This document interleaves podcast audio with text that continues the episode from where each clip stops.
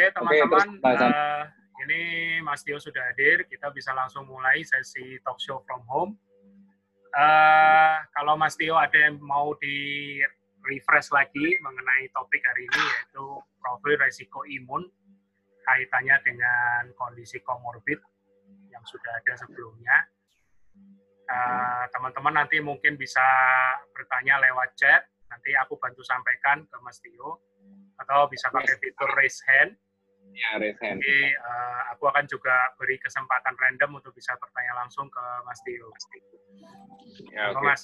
Oke, okay. judul judul kita hari ini itu ya uh, untuk identify komorbid di kondisi suara jelas mas jelas mas ya ini sebenarnya agak suara mas Budi putus-putus ya aku takutnya sih aku jelek aman ya oke aman mas aman ya uh, komorbid itu uh, basicnya ialah uh, underlying disease uh, penyakit bawaan yang biasanya kan itu kan kalau di kondisi COVID-19 ini kan fatalitasnya itu kan mengkerucut pada orang-orang yang memiliki komorbid diabetes, hipertensi, jantung, COPD.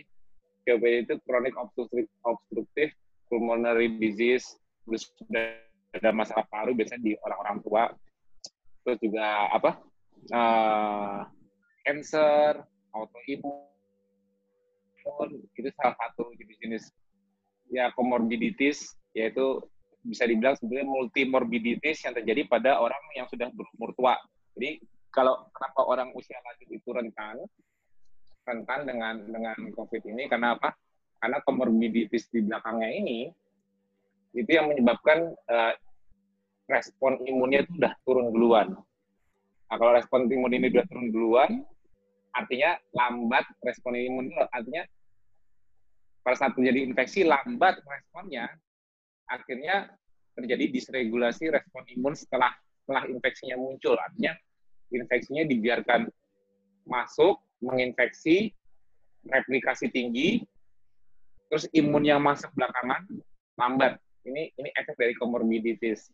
Makanya usia rentan ialah usia tua. Makanya kayak di Wuhan, kayak di Itali, kebanyakan elderly di atas 50 tahun.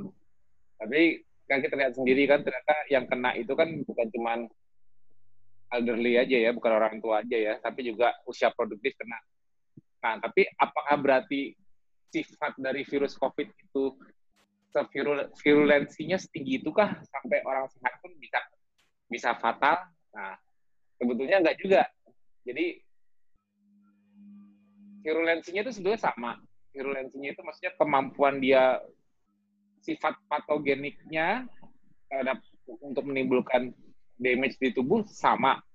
Tapi kalau respon imunnya bagus, enggak. Tapi masalahnya comorbidities ini enggak. Yang terlihat itu di elderly itu di usia produktif sekarang juga terlihat. Pertanyaannya ialah, apakah yang usia produktif itu sudah ada comorbidities apa enggak? Bisa jadi mereka pada saat ter, terindikasi positif, tapi ternyata mereka dari riwayatnya tidak pernah ada diabetes, tidak pernah ada apa keluhan apa-apa, mungkin hanya obesitas atau mungkin tidak tidak terlalu obesitas hanya perut buncit, tapi uh, efek ke mereka itu lebih kena lebih bisa jadi fatal kenapa? Karena sebetulnya komorbidnya nggak nggak terdeteksi. Makanya aku aku mau bilang di sini sifat komorbiditis saat ini itu terutama seperti diabetes itu silent. Silent itu artinya sebetulnya ada tapi kita kita tidak pernah ngecek nggak pernah ngecek riwayat kita kita punya apa enggak makanya aku mengajukan imun risk profile imun risk profile itu untuk mengecek profil profil respon imun kita bagus apa enggak kalau saat kita benar-benar sudah mengalami infeksinya nanti kita respon imun kita bagaimana nanti hasilnya outputnya dari imun profile ini lihatnya yang mana jadi kalau komorbiditis itu berbagai macam uh, penyakit metabolik sindrom itu akarnya cuma satu. Akarnya itu ialah insulin resistan. Insulin resistan itu bisa dicirikan dari fasting plasma glukos atau gula darah puasa yang biasanya lebih tinggi di atas 100 ya. Tapi fasting plasma glukos ini kadang-kadang kita bisa ngecek ah gula darah saya 90-an kok bagus. Tapi ternyata pas dicek HbA1c-nya tinggi di atas 7. Nah, itulah makanya kenapa HbA1c itu pasangannya GDP, gula darah puasa. Kenapa? Karena HbA1c itu lebih mewakili manajemen glukosa gula darah kita tiga bulan terakhir, tiga bulan ke belakang. Jadi kita bisa aja sekarang gula darah puasa kita hari ini pasti tes rendah. Mungkin karena baru hari ini kita puasa untuk gula darah. Sebelum-sebelumnya kan kita kan nggak tahu pola makan di masyarakat seperti apa. Nah, lonjakan-lonjakan gula darah di setiap pola makan di masyarakat ini yang kita nggak tahu, tapi mereka bakal mudah ters terscreening, terscreening itu maksudnya terlihat rata-ratanya dari HbA1c. Karena HbA1c itu menunjukkan uh, yang terjadi di di mana? Di hemoglobin selama tiga bulan ke belakang. Berarti apakah bagus manajemen gulanya dari pola makan dan pola hidupnya? Itu terlihat dari HbA1c itu lebih akurat. Tapi memang ngeceknya baiknya bareng dengan uh, gula darah puasa. Ini untuk screeningnya, untuk mengetahui mengetahui insulin resistannya. Karena basicnya imunosuppressionnya, penekanan akan akan respon imunnya dan juga nanti bakal memunculkan disregulasi respon imun saat benar-benar infeksi itu akibat insulin resistan. Oke. Okay? Terus yang ke berikutnya pengetesannya ialah pengetesan total limfosit. Total limfosit belum subsetnya dulu, baru total limfosit kalau di darah itu uh, limfosit rata-rata itu di atas 30 persen ya, 30 persen normalnya. Tapi kalau yang kalau ada masalah insulin resistan, otomatis biasanya ada masalah sebut namanya inflammaging. Inflammaging itu uh, low grade uh, inflamasi level rendah, low grade inflammation yang terjadi di tubuh. Efeknya itu akibat gini, kebanyakan terlihatnya nanti di obesitas. Atau orang yang orang yang dengan lingkar waist-nya perutnya walaupun dia nggak kelihatan obes tapi perutnya buncit. Jadi ada akumulasi di visceral fat. Nah jadi kalau kelihatan orang ah saya nggak obes kok tapi perutnya buncit itu sudah masalah insulin resistan di mana harusnya lemak itu cara menyimpannya terdistribusi di seluruh tubuh ke tangan lengan pipi dan sebagainya tapi ada orang yang, yang merasa tidak obes BMI-nya mungkin kalau dihitung berat badannya mungkin uh, masih masih masuk tapi akumulasinya di perut buncit. Nah itu sebetulnya sudah menunjukkan insulin resistan di mana pada saat lemak tidak bisa disimpan di di di sisi lain di di tubuh di subcutaneous fat di bawah kulit akumulasinya akhirnya bakal numpuk di visceral fat karena visceral fat itu di bagian perut itu yang paling sensitif untuk mendengar insulin anggap aja di lokasi lain di tangan, lengan, paha itu nggak sensitif insulin, tapi yang paling sensitif di perut, akhirnya akumulasi di perut semuanya. Nah, itu sudah menunjukkan insulin resistan. Nah, itu biasanya juga kalau dicek di screening HbA1c-nya juga udah kelihatan, dia fluktuasi gula darahnya juga nggak bagus. Maka itu sebabnya screening HbA1c di awal itu paling penting secara globally untuk melihat imun risk profile seseorang. Itu dari dari dari circumference-nya tadi dari uh, dilihat dari perutnya buncit atau memang BMI-nya tinggi sekalian, memang dia obes. Itu, itu mesti dicek. Nah, ciri-cirinya insulin resistan di darah, parameternya selain selain tadi yang inflammaging itu dilihat dari limfosit yang agak turun. Jadi misalnya dia rata-rata sebelum terinfeksi ya, rata-rata dia cuma 20 persen atau 18 persen atau cuman pokoknya dia hasilnya tidak sesuai rujukan lab. Dia lebih di bawah rujukan lab dan neutrofilnya rasio rasio neutrofil dibanding dibanding limfosit neutrofilnya sedikit lebih tinggi. Biasanya ini juga dibarengi oleh LED dan CRP yang lebih tinggi. CRP-nya CRP itu menunjukkan uh, C-reaktif protein menunjukkan inflamasi di tubuh. Itu juga di screeningnya kalau kita ngecek ngecek uh, limfosit kita berapa, dicek juga dengan uh, eh, CRP tadi itu. Nah, itu itu penting itu, itu untuk untuk melihat inflamasinya. Nah, ciri-ciri insulin resistan juga ialah kita bisa screening sebetulnya ini pelengkap aja ya, sekalian nama neutrofil limfosit rasio tadi.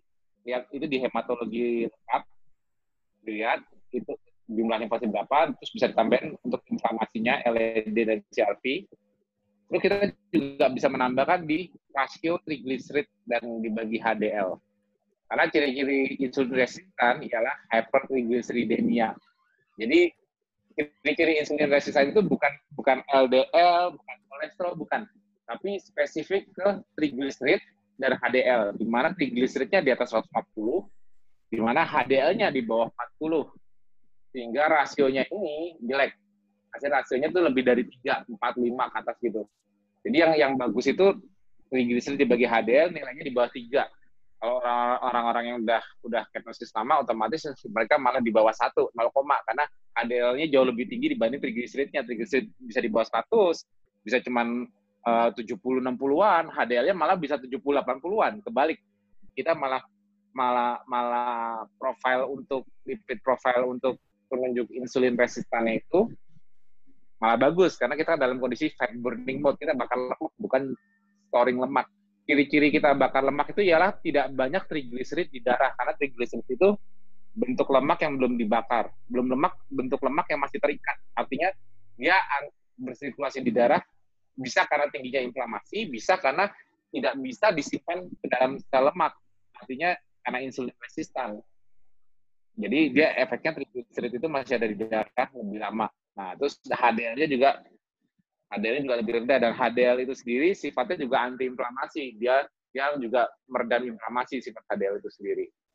Terus uh, yang ke berikutnya kalau mau lebih dalam lagi untuk mencari tahu kecurigaan, misalnya anggap aja wah uh, limfositnya misalnya anggap aja normal deh tapi ada faktor inflamasinya, CRP-nya masih tinggi. CRP-nya tinggi nih, walaupun limfosit belum terpengaruh, limfositnya masih normal. Kalau agak, ini aku aku nggak pasti biaya sekarang berapa, tapi kayaknya sih di Prodigia udah ada. Itu bisa ngecek CD4 dan CD8, CD4 dan CD8. Jadi di di kondisi limfosit normal misalnya 30%. Tapi kalau dilihat CD4-nya, CD4 count, CD4 count itu kan dia T helper, jadi fungsi utama. Dia CD4 count itu jatuhnya lebih rendah dari acuan normal, walaupun tidak serendah orang HIV ya. Kalau HIV kan memang dia spesifik virus HIV menyerang CD4. Sehingga hmm. CD4-nya itu yang dihancur yang yang yang yang rusak gara-gara infeksi dari HIV karena HIV uh, virus HIV spesifik untuk CD4. Tapi kalau ini CD4-nya itu lebih rendah kenapa? Karena faktor inflamasi di tubuh karena efek dari insulin resistan dengan efek low grade inflammation dan atau disebut inflammaging tadi membuat jumlah CD4 jumlah CD4 itu turun. Turun di bawah rata-rata normal biasanya sih di bawah 400 perkiraanku kalau insulin resistan 300-an bahkan ada yang sampai 200-an walaupun di kondisi limfosit normal loh ya. Limfositnya nggak ada masalah kelihatannya. Tapi kan yang kita lihat kan subsetnya. Subset itu dari dari dari kumpulan limfosit ini T dan B cell kita lihat si peng, si si jenderal pengaturnya pengatur pengatur respon imun inflamatori atau non inflamatori yang meregulasi dari mulai respon imun pertama dengan inflamasi tapi akhirnya resolve infeksinya dengan anti inflamasi itu pengaturnya semua di CD4. Jadi kalau kalau CD4-nya kondisinya sudah rendah, otomatis ini disebut immunosuppression. Jadi kualitas limfosit untuk mengatur serangan dari mulai infeksi awal sampai dia resolve gejala, resolve itu artinya anti-inflamatorinya keluar, tidak tidak inflamasi terus-terusan yang akhirnya bisa jadi seperti release syndrome atau cytokine storm, itu kuncinya di CD4. Jadi uh, kita melihat uh, komposisi CD4 berapa. Tapi kalau kalau memang ada duit lebih, bisa ngecek CD8 juga boleh. Jadi lihat, lihat rasio CD4 per CD8 normal nggak sebelum infeksi ya. Ini ngeceknya sebelum terjadi infeksi. Tapi kalau kalau sudah terjadi infeksi, misalnya sudah sudah sudah ada terindikasi HB1C tinggi, berarti rata-rata manajemen gula darah nggak bagus, dan fasting plasma glukos atau gula darah puasa tinggi, otomatis pada saat, pada saat infeksi COVID terjadi, mudah sekali lipofenia. Lipofenia terjadi, itu sudah pasti kalau dicek CD4, CD8-nya, ambruk kayak orang HIV. Jadi, jadi efek dari efek dari lab respon imunnya ini CD4, CD8-nya sudah pasti sudah secara kuantitas karena limfositnya drop, otomatis jumlah mereka drop kan. Hmm. Terus posisi posisi subsetnya, subset itu dalamnya limfosit CD4 sini itu juga pasti drop. Nah, akhirnya yang dominan dominan merespon pada saat kondisi sudah terjadi limfopenia, yang dominan merespon itu innate immunity. Contohnya neutrofilnya. Neutrofil itu uh, sel-sel yang kerjanya secara aktif. Dia nanti bakal masuk, dia bakal pindah dari darah masuk ke sel-sel yang terinfeksi. Contohnya kalau di kasus uh, COVID ini kan di sel epitelnya dia infiltrasi ke sana dia malah malah rilis sitokin sitokin inflamasi juga dan akhirnya malah Misalnya terjadi banyak sel yang banyak sel paru yang mati dan juga terbentuk eh, yang disebut namanya hyalin membran. Hyalin membran itu eh, eh, kayak mem, kayak cairan yang cairan yang yang sifatnya dia bisa ngikat air jadi gel. Jadi untuk jadi itu yang malah bikin alveoli paru yang buat difusi oksigen itu makin tertutup. Nah, pembentukan hyalin membran ini juga bahan bakunya glukosa karena jalurnya dari pentosphosphate pathway atau dari glucosamine pathway, tapi dominan dari pentosfosfat yang berasal dari glukos. Jadi degradasi glukos gitu. Jadi kuncinya untuk uh, lihat imun risk profile itu uh, gampangnya ialah HbA1 yang yang paling screening paling mudah itu HbA1c dan dan gula darah puasa. Yang kedua uh, rasio neutrofil dengan limfosit, otomatis kelihatannya limfositnya drop apa enggak. Plus indikasi inflamasinya LED eh, CRP paling bagus ya satu utamanya ya CRP yang ketiga ini ini opsional tapi ini akurat CD4 dan CD8-nya atau bisa CD4-nya aja nah kalau ini screening ini screening dilakukan di populasi umum misalnya gini OTG orang tanpa gejala atau ODP orang-orang dalam pengawasan itu saat mereka udah positif ya entah itu lewat rapid test maupun swab kalau langsung di screening, langsung sudah bisa dikasih prognosisnya. Misalnya gini, wah ternyata pas OTG dia udah positif tapi tapi dia nggak ada gejala, tapi HbA1c tinggi. Otomatis resiko untuk dia nanti muncul uh, uh, apa namanya sitokin storm untuk untuk tiba-tiba limfopenia, tiba-tiba T-selnya T-selnya ambruk, jumlahnya turun, itu lebih tinggi saat dia sudah screening bahwa HbA1c dia tinggi walaupun OTG ini orang tanpa gejala ini misalnya dia tidak mengaku dan memang dia tidak ada riwayat uh, comorbidity, tidak punya diabetes, dia punya hipertensi, dan dia merasa fine-fine sehat. Nah, makanya itu screening untuk mengetahui benar apa enggaknya dia nggak punya masalah comorbidity, HbA1c itu sifatnya kita nggak bisa mungkin nggak bisa ngebohongin gimana gaya hidup kita tiga bulan ke belakang kemarin, cara makan kita, kita nggak usah ngomongin kita nggak usah nanya dia diet apalah apa pun diet ya kalau HbA1 hmm. tinggi diet kamu jelek gitu aja. Jadi dia harus harus dikoreksi segera. Dia malah kalau bisa OTG ini ataupun ODP ini walaupun dia belum bergejala atau baru bergejala ringan begitu ketahuan HbA1c-nya tinggi langsung ada koreksinya metabolic conditioning-nya dia mulai udah membatasi jumlah karbohidrat malah kalau perlu langsung tanpa karbohidrat terserap ya. Langsung karena dia mengejar gula darah rata-ratanya kembali turun. Mengejar hmm. respon imunnya setiap kembali. Karena kalau misalnya ini nggak langsung dilakukan metabolic conditioning ya ini ini contoh ya. Uh, beberapa beberapa kasus yang aku pegang pas baru mulai berasa demam dia positif tapi dia nggak ada gejala tapi pas baru demam baru aja berasa demam dia baru ngecek darah hari itu dan limfositnya tinggal berapa 37. Waduh. Hah? Berarti penurunan limfositnya sudah terjadi pada saat ini belum ada gejala. Penurunan limfosit yang resiko muncul sitokin storm itu sudah sudah dimulai sebelum dia ada gejala. Pada saat dia baru demam, akhirnya dia cek darah, itu limfopenenya udah udah severe, udah di bawah 15% jauh, udah udah tinggal 7 koma loh. Padahal baru gejala, nggak ada batuk, nggak ada demam. Itu itu sifat immunosuppression. Makanya pentingnya pentingnya screening, pentingnya screening imun risk profile itu ialah mencegah fatalitas dari OTG, ODP, dan PDP. Ya benar-benar uh, mereka itu di screen di awal dan kita tahu uh, intervensinya apa ya yang sudah pasti intervensinya ialah manajemen gula darah. Kenapa? Karena karena kalau kita bisa melakukan suatu intervensi yang menyebabkan gula darahnya bisa rendah, Oke lah, nggak usah hipoglikemia, cukup 70 sampai 90-an aja. Nggak usah sampai hipoglikemia kayak orang-orang di KF. Tapi ada intervensi yang membuat gula darah dia stabil tanpa tanpa tambahan growth hormone seperti disuntik insulin. Tapi kita gimana cara membuat gula darah dia dia bisa di, bisa bisa semi hipoglikemia tapi tanpa neuroglikopenia tidak kehilangan energi otak otomatis misalnya kayak manajemen gula darah ini sekali tembak tiga titik kena tiga titik kena itu ini. Satu, replikasi virusnya sendiri yang bakal jadi beban infeksi.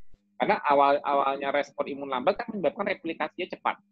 replikasi yang cepat ini kan menyebabkan viral load-nya keburu banyak dan juga sel yang terinfeksi berikutnya dari viral load, viral load, dari virion hasil dari replikasi awal kan udah banyak yang kena.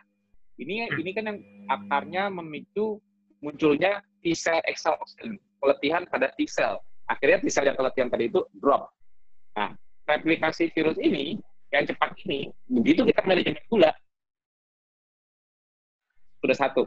Karena tahu sendiri kan, untuk untuk virus bisa replikasi cepat, kuncinya apa? Gula.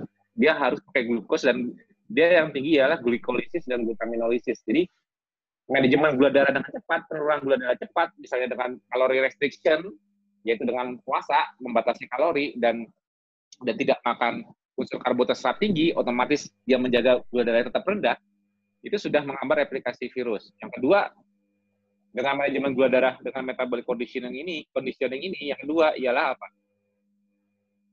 Inflammatory response-nya terkontrol. Kan penyebabnya cytokine release syndrome atau cytokine storm itu karena dominasi sel-sel imun yang sifatnya inflamasi dan ketiadaan sel-sel imun yang sifatnya regulatori. Regulatori artinya dia berfungsi untuk meregulasi agar tidak over inflamasi. Dan sel-sel regulatori ini terutama apa? T-cell T-cell T-cell dengan dengan kode CD4 FOXP3 atau kita singkat disebutnya T regulator. Nah, T regulasi ini metabolismenya itu fatty acid oxidation, beta oksidasi yang dominan. Dia bakal lemah. Tapi T-cell ini tidak ada kenapa? Tidak adanya. Karena kan, kan sudah terjadi limfopenia, limfositopenia, artinya jumlah limfosit T-cell aja juga sudah turun drop. Akhirnya regulat tidak, tidak terjadi regulasi oleh oleh oleh adaptive immunity dan membiarkan inflammatory response tinggi terus di uh, oleh innate innate immunity, oleh makrofag, neutrophil dan sebagainya, innate immunity. Nah, tipe tipe-tipe innate immunity yang yang dominan mensekresikan inflammatory sitokin artinya sinyalnya sinyal inflamasi yang disekresikan contohnya makrofag, itu makrofagnya juga tipe yang M1, di mana M1 ini glikolisisnya tinggi, artinya dia pakai banyak glukosa. Jadi kalau kita bisa bisa manajemen glukosa, M1, contohnya makrofag M1 ataupun neutrofil yang tinggi glikolisis, yang yang mensekresikan sitokin inflamatori yang menyebabkan sitokin storm, itu begitu glukosanya dihambat atau diturunkan ditekan, mereka juga juga turun dong sekresinya, turun dong uh, uh, inflammatory responnya turun dong. Yeah. Nah, jadi dengan manajemen gula satu batu, yang kedua ialah kena ke sel imun yang inflamasi. Tadi replikasi virus kehambat, inflammatory respon kehambat. Yang ketiga, fatalitasnya yang terjadi pada uh, infeksi COVID ialah munculnya pneumonia atau uh, akhirnya sesak nafas dibantu ventilasi, yaitu karena alveolinya, alveoli parunya yang membuat difusi oksigennya tertutup oleh hyalin membran yang aku bilang tadi. Hmm. Hyalin membran itu jalur jalur pembuatannya kan pentose phosphate pathway yang asalnya dari glikolisis atau glukosa. Jadi kalau glukosa ditekan, otomatis pembentukan hyalin membran hyalin di di alveoli paru yang yang sebagai ciri khasnya ground glass opacity kalau dilihat di CT scan tuh kayak bercak-bercak putihnya itu otomatis ketahan juga jadi hmm. tidak menambah uh, apa uh, sesak di paru-parunya, tidak tidak menambah uh, penghambatan di alveoli parunya. Otomatis ketekan juga. Jadi semua faktor dari sitokin storm sampai ke ARDS-nya arah menuju ke acute respiratory distress syndrome atau acute lung injury-nya itu semua dihambat semua dengan hanya dengan hanya apa? Menurunkan gula darah. Walaupun secara uh, terapi klinisnya juga antiviral digunakan untuk menghambat replikasi virus secara secara farmakologisnya atau uh, ada obat seperti uh, yang bantu meringankan hyalin membran sebagai pengencernya ada juga itu kan terapi tapi tapi bakal putus misalnya ada terapi interleukin 6 untuk menghibit interleukin 6 sebagai inflamatori inflamatori sitokinnya. Ada drugsnya khusus ya aku sih fine aja kalau misalnya sudah sudah di level klinis sudah PDP dan dia pakai terapi-terapi uh, yang yang sifatnya titik-titik. Oh ini ini untuk replikasi replikasi dikasih anti anti untuk apa? Polimerasnya replikasi kayak remdesivir itu. Atau misalnya ditambahin oleh hidrokoloquin untuk menghambat uh, lepasnya virus uh, genetik material dari endosom karena pH-nya dinaikin. Misalnya atau tambah apa lagi? Itu kan titik titik penghambatan replikasi. Dan dan juga uh, ada titik penghambatan respon imun. Nanti juga ada juga titik penghambatan pembentukan hialin dan itu itu titiknya kan banyak yang perlu di stop sedangkan hmm. semua itu basicnya mengerucut ke arah apa? Glukosa availability dari glukosa. Jadi saranku ya metabolic conditioning ya harus segera diterapkan untuk menekan fatalitas. Kenapa? Begitu dia bisa manage gulanya, bisa menekan gula darahnya rendah di kondisi di kondisi dia sudah bergejala, ya kita bisa bisa memperkecil risiko fatalitasnya jadi lebih jauh. Dan kalau misalnya metabolic conditioning ini bisa dilakukan dilakukan pada orang-orang yang yang sudah positif dan langsung di screening, di screening lewat kemampuannya dia, dia nanti dia nanti outcome-nya setelah positif dia kan misalnya anggapannya dia positif ada positif yang akhirnya tidak berge akhirnya dia sembuh sendiri ada positif yang malah tiba-tiba muncul kefatalitasan kita kan nggak tahu nah yeah. mudahnya yeah. untuk tahu mana yang positif larinya ke arah fatal dan mana yang ke arah normal atau respon imun yang akhirnya menghasilkan immunity yang satu imunopatologi ketahuannya nanti mudahnya dari tiga imun risk tadi itu HbA1c dan gula darah puasa hmm. itu itu udah paling paling rendah paling gampang deh mau ditambahin oleh neutrofil dan limfosit rasio rasionya plus CRP mau ditambahin dengan CD4 plus CD8. Tapi yang pertamanya sudah bisa mengidentifikasi bakal bakal diprognosis lari ke mana nih dia? Arah immunity atau arah imunopatologi. Nah, kalau udah arah imunopatologi, langsung dikelompokkan untuk di, dilakukan metabolic conditioning. Walaupun belum ada gejala.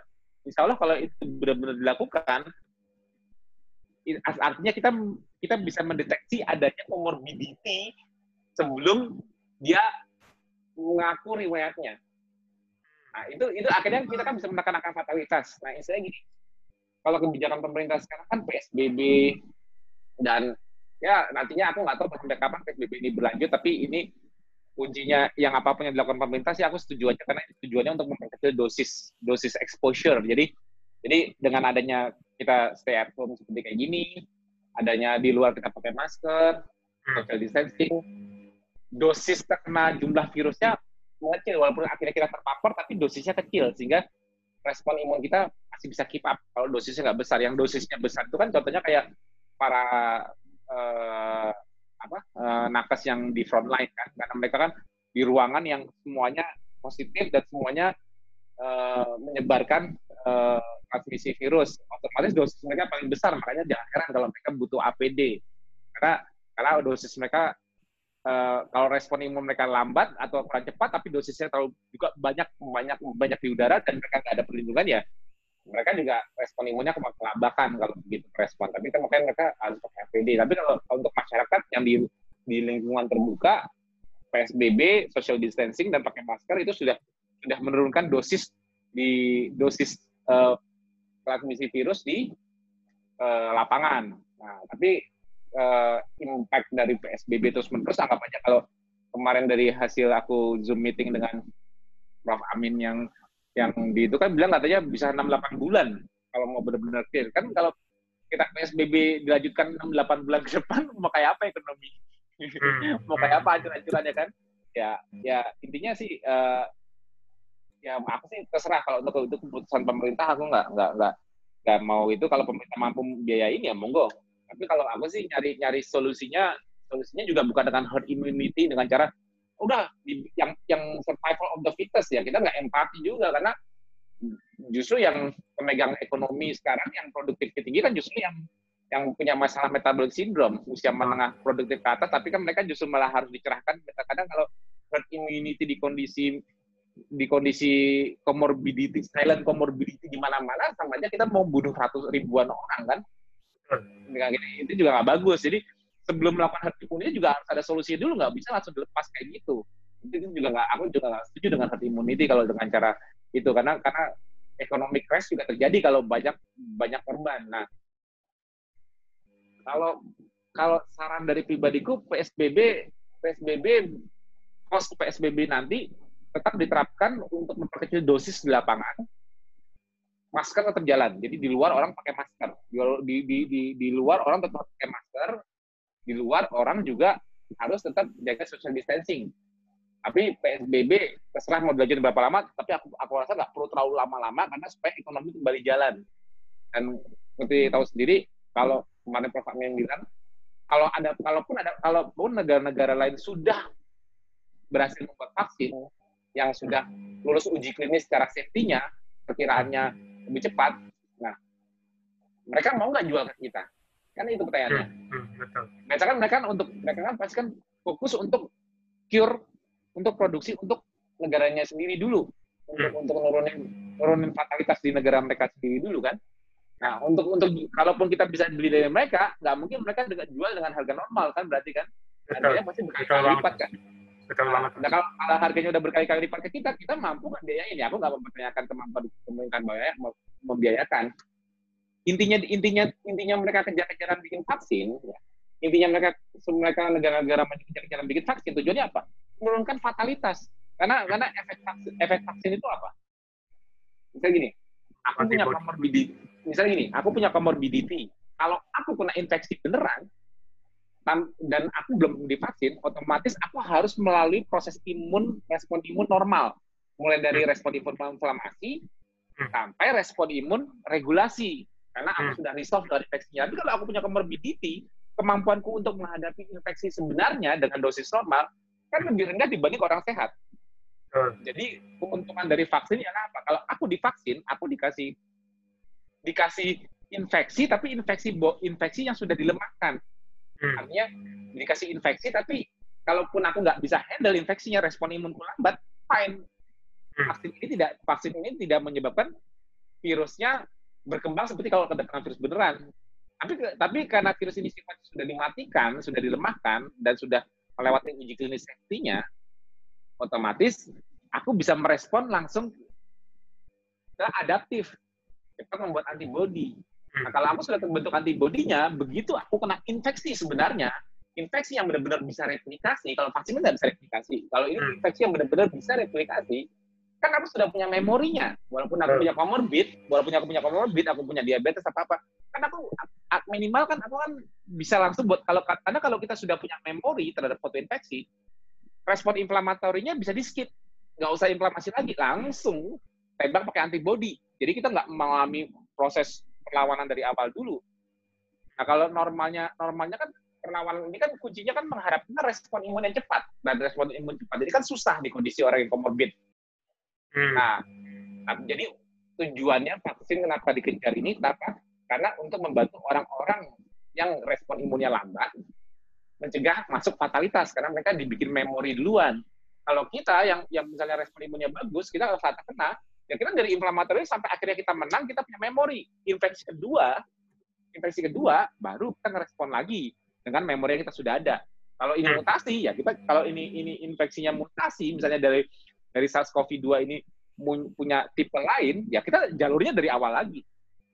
Ya hmm. vaksin vaksin vaksin yang pertama tadi sudah dibuat uji klinis lulus untuk tipe yang pertama, ternyata yang datang tipe kedua, ya memang nggak bakal nggak efektif harus ada vaksin baru lagi. Nah, dengan kondisi seperti itu kan aku rasa ya ya kalau pemerintah sanggup sih nggak apa-apa atau misalnya eh, kemarin Prof Amin berusaha membuat menyiapkan eh, uji apa pembuatan vaksin secara mandiri di Indonesia tapi dia sudah menjamin bukan untuk pandemi sekarang.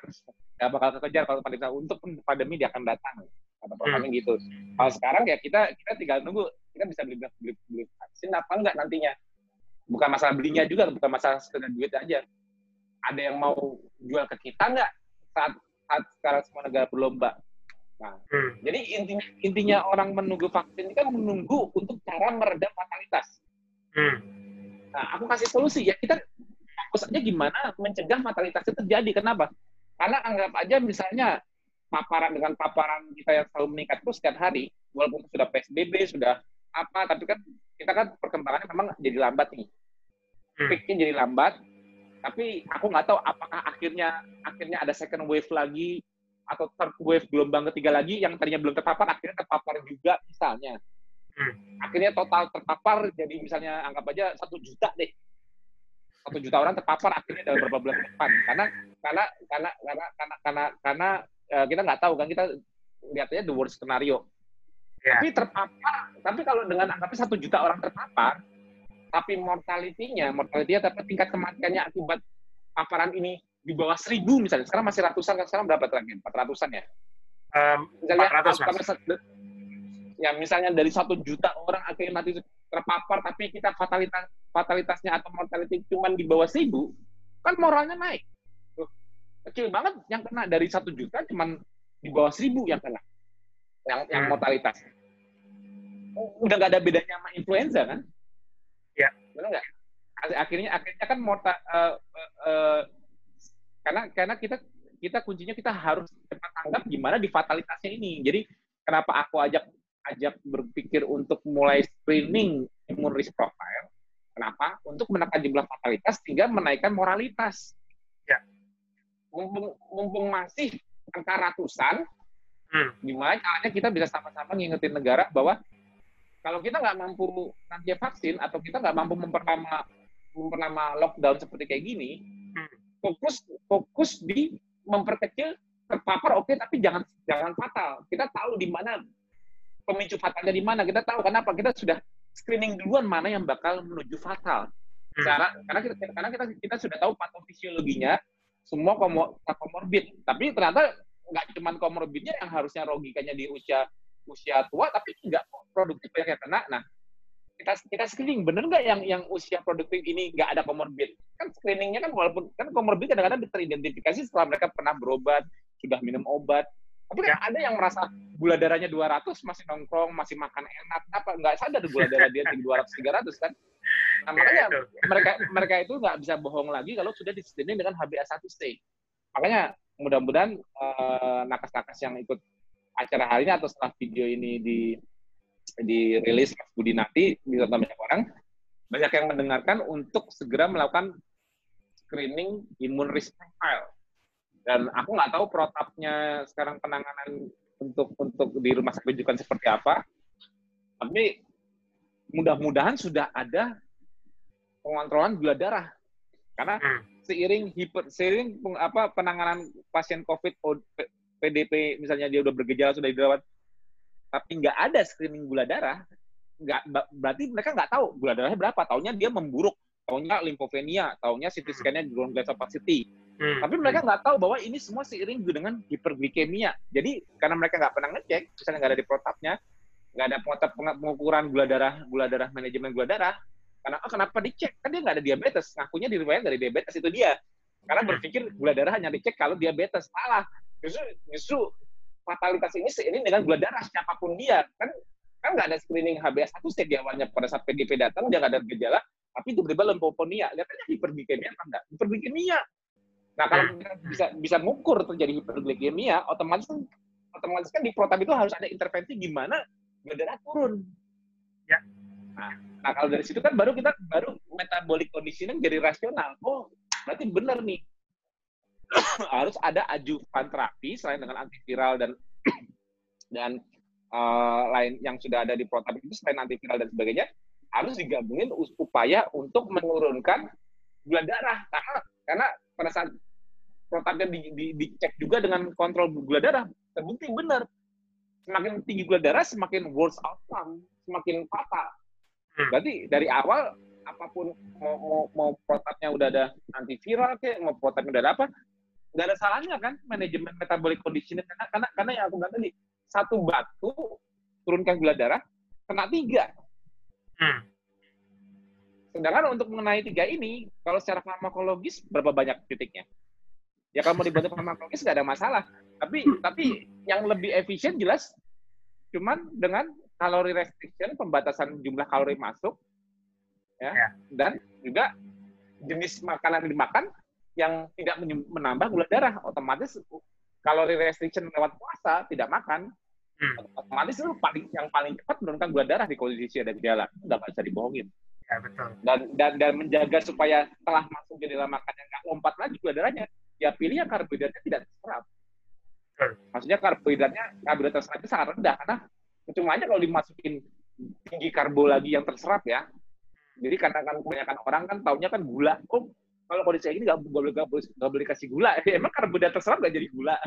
Makanya dibilang karbohidrat terserap. Itu makanya harus harus didetailkan lagi. Gula itu juga berasal dari karbohidrat terserap. Itu diperkecil atau diperendah di kondisi jendela makan setelah ada usaha pertama dengan intermittent fasting untuk menurunkan gula darah, otomatis bakal mengontrol uh, pasien tersebut untuk manajemen gula darah lebih bagus dan outcome outcome-nya mencegah imunopatologi untuk terjadi untuk untuk untuk, untuk fatalnya otomatis logiknya terjadi dengan dengan tambahan intervensi apa pun mau dikasih uh, dalam protapnya mau dikasih suplemen vitamin C kayak mau apa tapi patofisiologi udah jelas semua mengerucut ke arah gula darah sebagai penyebab cepatnya replikasi virus sebagai inflamatory respon yang tinggi sehingga limfopenia sebagai akarnya munculnya hyalin membran yang hmm. yang bisa akhirnya nanti ARDS, ekspedisi sindrom itu semua udah jelas semua tapi kalau itu nggak dilirik ya gimana kita mau menekan fatalitas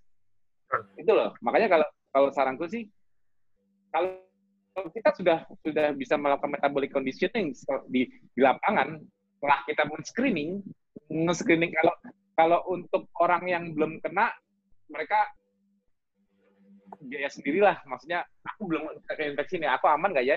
Imun risk profileku mau ngecek dari tiga tadi sendiri aja. Tapi kalau kalau di sisi di sisi yang sudah di lapangan, ya, sisi dari lapangan yang memang mereka sudah sudah dapat data, oh kamu positif, langsung kamu cek HbA1 juga.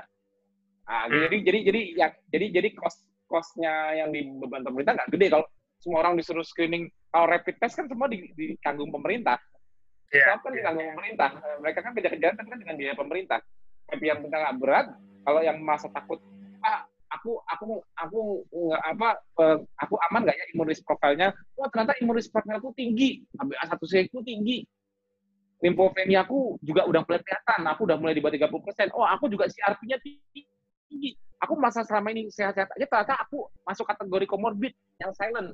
Wah, kalau gitu hmm. sebelum aku beres, aku karantina mandiri deh, aku di rumah aja, walaupun PSBB udah nggak ada. Oh, dianggap hmm. itu kesadaran mandiri. Mereka dan rata-rata di masyarakat mereka sadar setelah mereka lihat data. Kalau mereka nggak pernah ngecek HbA satu c jangan harapkan Indomie dimakan terus. Oh, nggak sakit kok rasanya kok badan walaupun gula darah, walaupun gula darah 200 nggak ada rasanya di badan.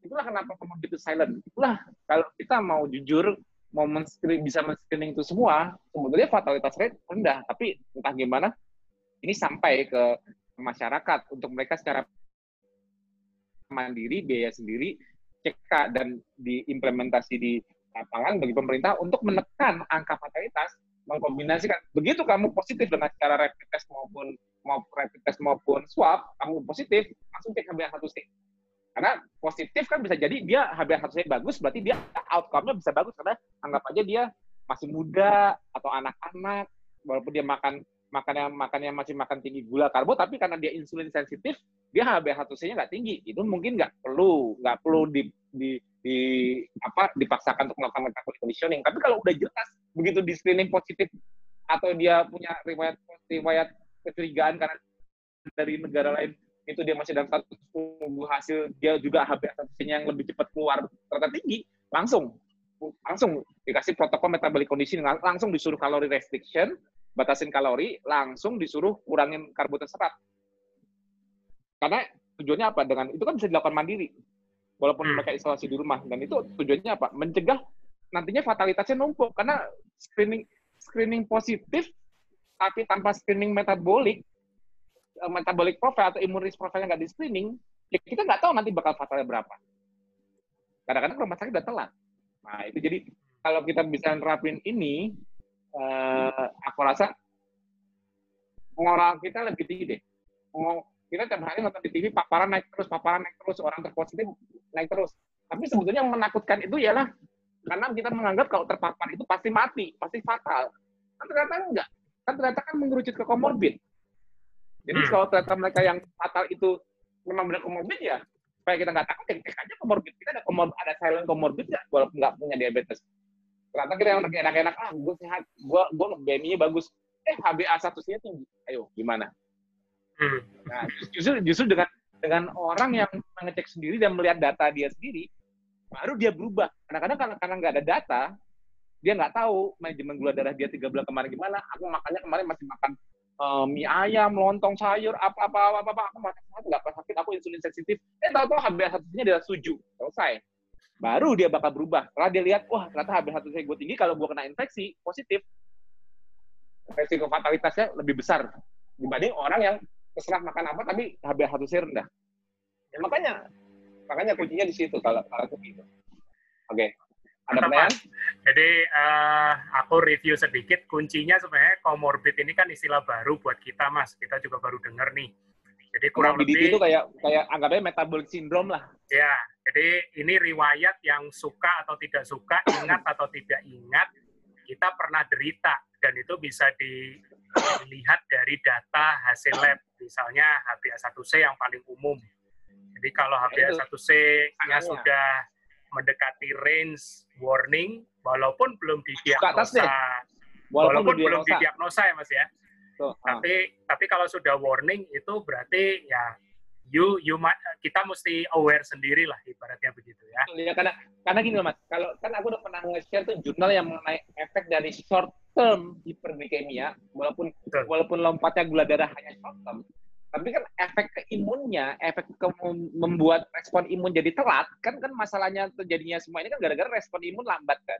Betul. Kalau yang masih sehat kan respon betul imun banget. cepat sehingga beban sehingga kan beban infeksi belum tinggi, kita sudah ngerespon. Berarti kan yang dibutuhkan untuk melawan COVID ini ialah kecepatan respon imun kan. Nah, tapi kecepatan respon ini turun saat terjadi short term hyperglikemia. Walaupun hyperglikemia terjadi saat sudah mempengaruhi kemampuan imun ini untuk ini. Nah, berarti kalau kita lihat rata-rata tiga bulan terakhir, dia sering mengalami lonjakan gula darah apa enggak? Nah, itu Betul. sudah mewakili efeknya ke total kemampuan imun dia. Jadi jadi solusinya bukan bukan wow kita minum ini minum ini supaya imunnya kuat tapi gula darahnya tetap tinggi sama aja bahwa mau, mau Iya. suplemen kayak apa pun kalau gula darahnya tinggi respon imunnya tetap rendah benar nggak?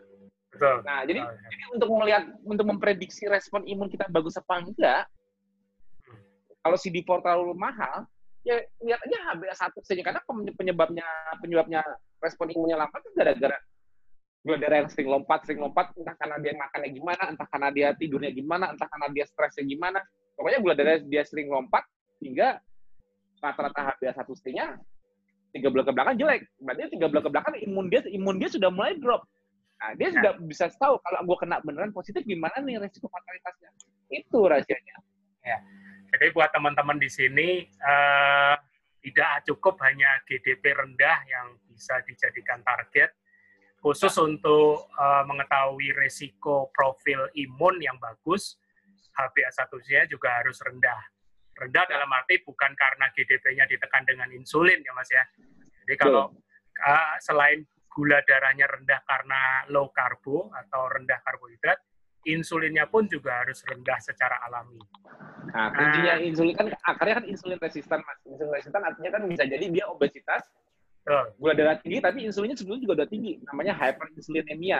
Ya, Jadi gini, kalau inter kalau ternyata habis- setelah screening, gini, anggap aja di, di lapangan setelah di screening ternyata HbA1c dia tinggi, gula darah dia tinggi, terus malah malah bukan bukan dilakukan metabolic conditioning, misalnya ah biar cepat dia turun intervensi farmakologis aja suntik aja insulin itu malah nggak bagus kenapa karena sifat insulin sendiri itu growth factor jadi jadi gini memicu. Gula gula darah memang turun setelah disuntik insulin tapi turunnya itu kan karena insulin membuat dia kan terserap diambil oleh sel-sel Iya. lain. Iya, sel mana yang ngambil? Kalau yang kalau di posisi dia inflamatori kalau yang ngambil sel imun inflamatori gimana? Jadi Ya, makin tinggi inflamasinya? Ya karena karena tujuannya melihat di permukaan gulanya turun tapi memasukkannya ke sel-sel yang sifatnya eh, merusak. Inflamasi. Iya. iya entah Atau itu masuk dalam sel virusnya. ya entah itu masuk dalam sel epitel yang lagi diinfeksi virus sehingga malah replikasinya lebih cepat gulanya karena di karena gulanya di darah kelihatannya rendah setelah dikasih insulin tapi gula yang masuk dalam dalam sel epitel ini karena gula tempatnya makin aktif gara-gara dipaksa masuk oleh insulin dipakai oleh virus untuk replikasi lebih cepat akhirnya progeninya beban infeksi makin besar atau sel-sel inflamatori makrofag tadi yang M1 tadi yang dia pakai glikolisis di, di res- merespon insulin yang ditambahkan dari luar, gulanya kelihatan rendah di, di permukaan, tapi dia jadi mampu mensekresikan lebih banyak lagi sitokin stormnya. Ya bubar jalan. Jadi cara cara intervensinya tidak bisa mengakali dengan cara menambah jumlah insulin. Intervensinya ya kayak aku bilang tadi harus harus harus menghilangkan gulanya secara sistemik, yaitu apa? Batasin kalori, batasin kalori dan pemilihan makanan yang rendah karbo. Udah Ya. udah karbo terserah itu udah udah paling udah paling make sense. Bukan bukan cuma dikasih makan apa aja bebas nanti tinggal dikasih ini supaya turun. Nggak masuk akal malah malah nggak mengenai kepatofisiologi sebenarnya. Oke Mas, ini sedikit mewakili eh, pertanyaan teman-teman kurang lebih ada tiga ini. Jadi kaitannya sama riwayat sindrom metabolik. Ada yang jantung, ada yang batu empedu, lalu yang udah pasang ring, ya kan? Ada juga yang diabetes. Itu kalau misalnya gula darah kita susah susah turun di bawah 80 sesuai protokol, itu Minimal di bawah 100 lah. ya atau di bawah 100 susah untuk turun di bawah itu bagaimana untuk mengatasi kekhawatiran ini Mas untuk profil resiko imun. Ya, ya memang kalau kalau kalau dari imun risk profile gitu. Jadi rata-rata gula darah pasti kan kalau udah menjalani KF ya, ini kan dengan catatan udah menjalani KF belum? Udah kan? Ya sudah Mas, sejarah. sudah, sudah. Secara, tapi kan dia belum bisa di bawah 100. Iya betul Mas. Berarti kan dia sudah ada penurunan. Berarti kan Ya. dia, dia- berarti kalau dia sudah ada sejarah pernah screening HbA1c, HbA1c pasti ada perubahan dong, lebih turun kan? Hmm. Hmm. Nah, tapi kalau kalau HbA1c-nya di atas 7 ya memang dia masih ada resiko, nggak bisa dibohongin dong. Hmm. Ya dong, nggak bisa dibohongin dong. Walaupun kita nggak kita nggak boleh terlalu wah asal udah KF nggak aman ya. Memang dengan KF memperkecil res- mem- memperkecil resikonya karena apa? Karena udah pasti menurunkan HbA1c. Nah, Hmm. tapi tapi karena karena karena masih belum optimal, karena masih belum mendapatkan hasil dari KF-nya secara optimal, masih punya resiko, ya tetap lebih ba lebih baik karantina mandiri lebih aman atau lebih menjaga diri di lapangan untuk mencegah gimana caranya saya nggak terekspos dosis besar. Supaya nggak terekspos dosis besar dari infeksi virus ya paling aman di rumah. Kalau di luar, di mana kemungkinan terinfeksi lebih gede, karena di udara, karena aerosol misalnya, karena di Hmm. kerumunan, Hmm. ya kita berusaha social distancing dan pakai masker untuk mengecil dosis. Nah, kalau memang akhirnya terjadi, ya paling gampang ya protokol metabolic conditioning begitu kita terekspos dan kita mengalami gejala ya la- langsung kita memanfaatkan anoreksia stimulus kita karena orang kalau udah sakit sama apalagi kalau dia mulai demam dia nafsu makan turun. Nah pada saat nafsu makan turun nafsu makan turun ini langsung dia ya sekarang ini nggak usah makan tapi jaga hidrasi jaga elektrolit. Terus kuncinya kuncinya juga meningkatkan melatonin supaya menurunkan antiinflamasi. Berarti apa? Pada saat aku nggak makan puasa sambil tidur.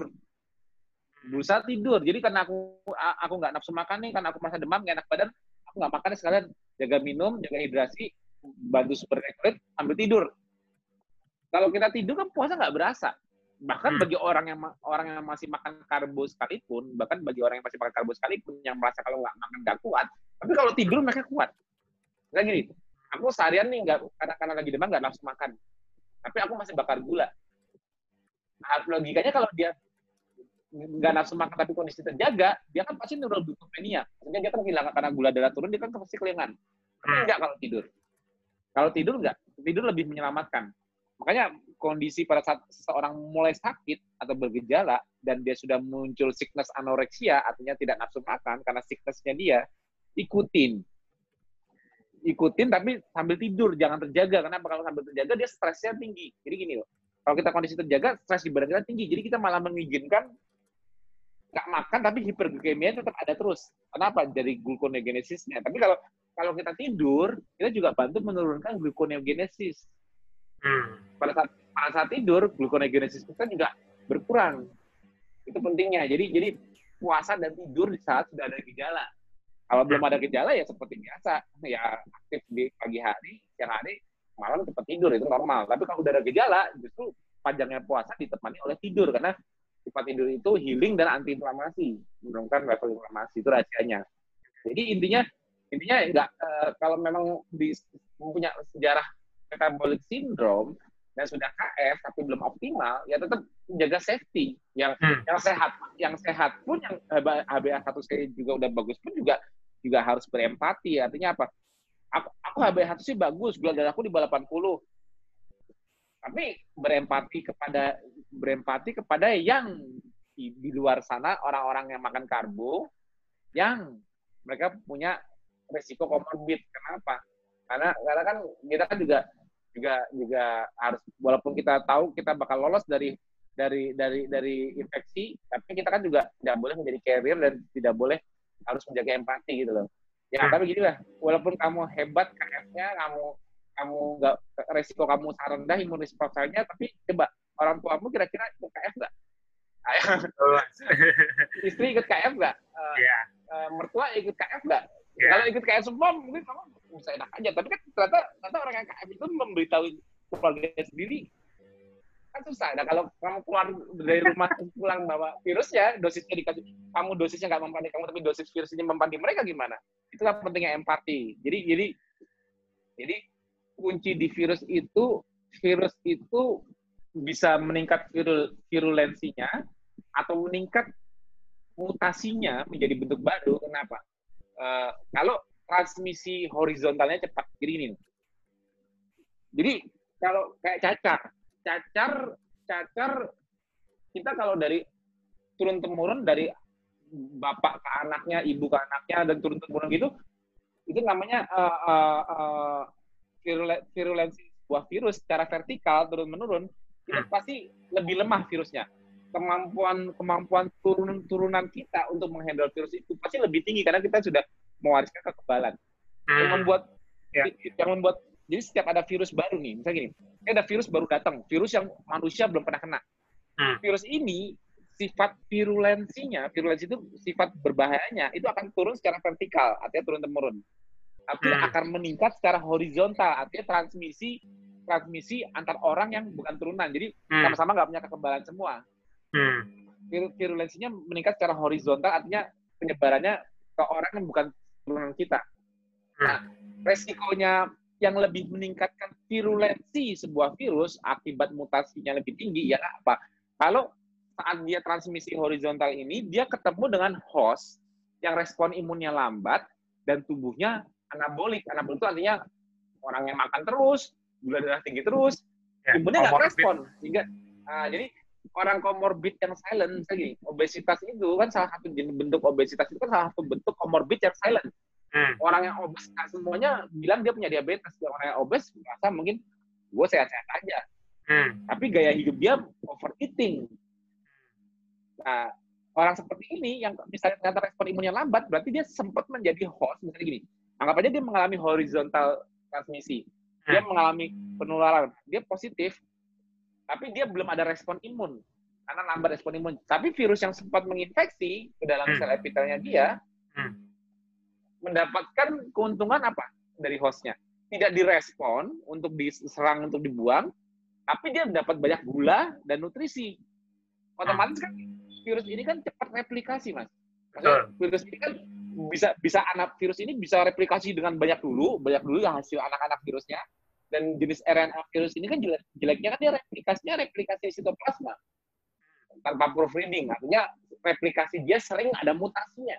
Nah, Hmm. dari ribu- ribuan anak-anak yang berhasil dia nggak di nggak dila- nggak terlacak oleh imun hostnya karena lambat respon imunnya dan sifat anabolik, hasil ribuan anak-anak ini banyak terjadi mutasi misalnya. Dan mutasi ini ada yang menguntungkan, ada yang ya bisa gini, ada mutasi tapi ya nggak ada nggak ada untung apa apa dari virus barunya, atau dia malah nggak bisa tempel ke ke ke sel berikutnya karena mutasinya. Tapi ada juga yang malah lebih kuat nempelnya, atau malah membuat struktur virusnya jadi lebih kuat di udara misalnya. Eh, misalnya dia tadinya kalau beberapa jam aja dia udah hancur, ini bisa lebih nambah jamnya karena misalnya lipid bilayernya melindungi envelope-nya jadi lebih tebal. Jadi lebih Hmm. lebih susah untuk keimbas oleh suhu, keimbas oleh oleh udara sehingga dia nggak cepat nggak nggak cepat hancur uh, envelope-nya dalam melindungi mata genetik. Kan itu itu kan berarti kan meningkatkan segi keuntungan di udara di di, di transmisi. Hmm. Ada juga yang kemampuan spike-nya untuk gigit di host di S2 misalnya lebih cepat. Jadi begitu kena begitu nempel ke S2, tek, dia langsung cepat mengaktifkan proteas, cepat diendositosis, otomatis dia cepat bisa melepas materi genetik di dalam, di dalam sel. Nah, kecepatan dia memicu proteas untuk proteas dari host ini untuk memicu endositosis ketarik ke dalam virusnya itu disebut keuntungan mutasi. Yaitu Hmm. contohnya bedanya SARS-CoV pertama atau MERS-CoV walaupun mereka fatalitasnya sama tapi nggak se-infectious, maksudnya nggak secepat SARS-CoV SARS-CoV-2 sekarang kenapa?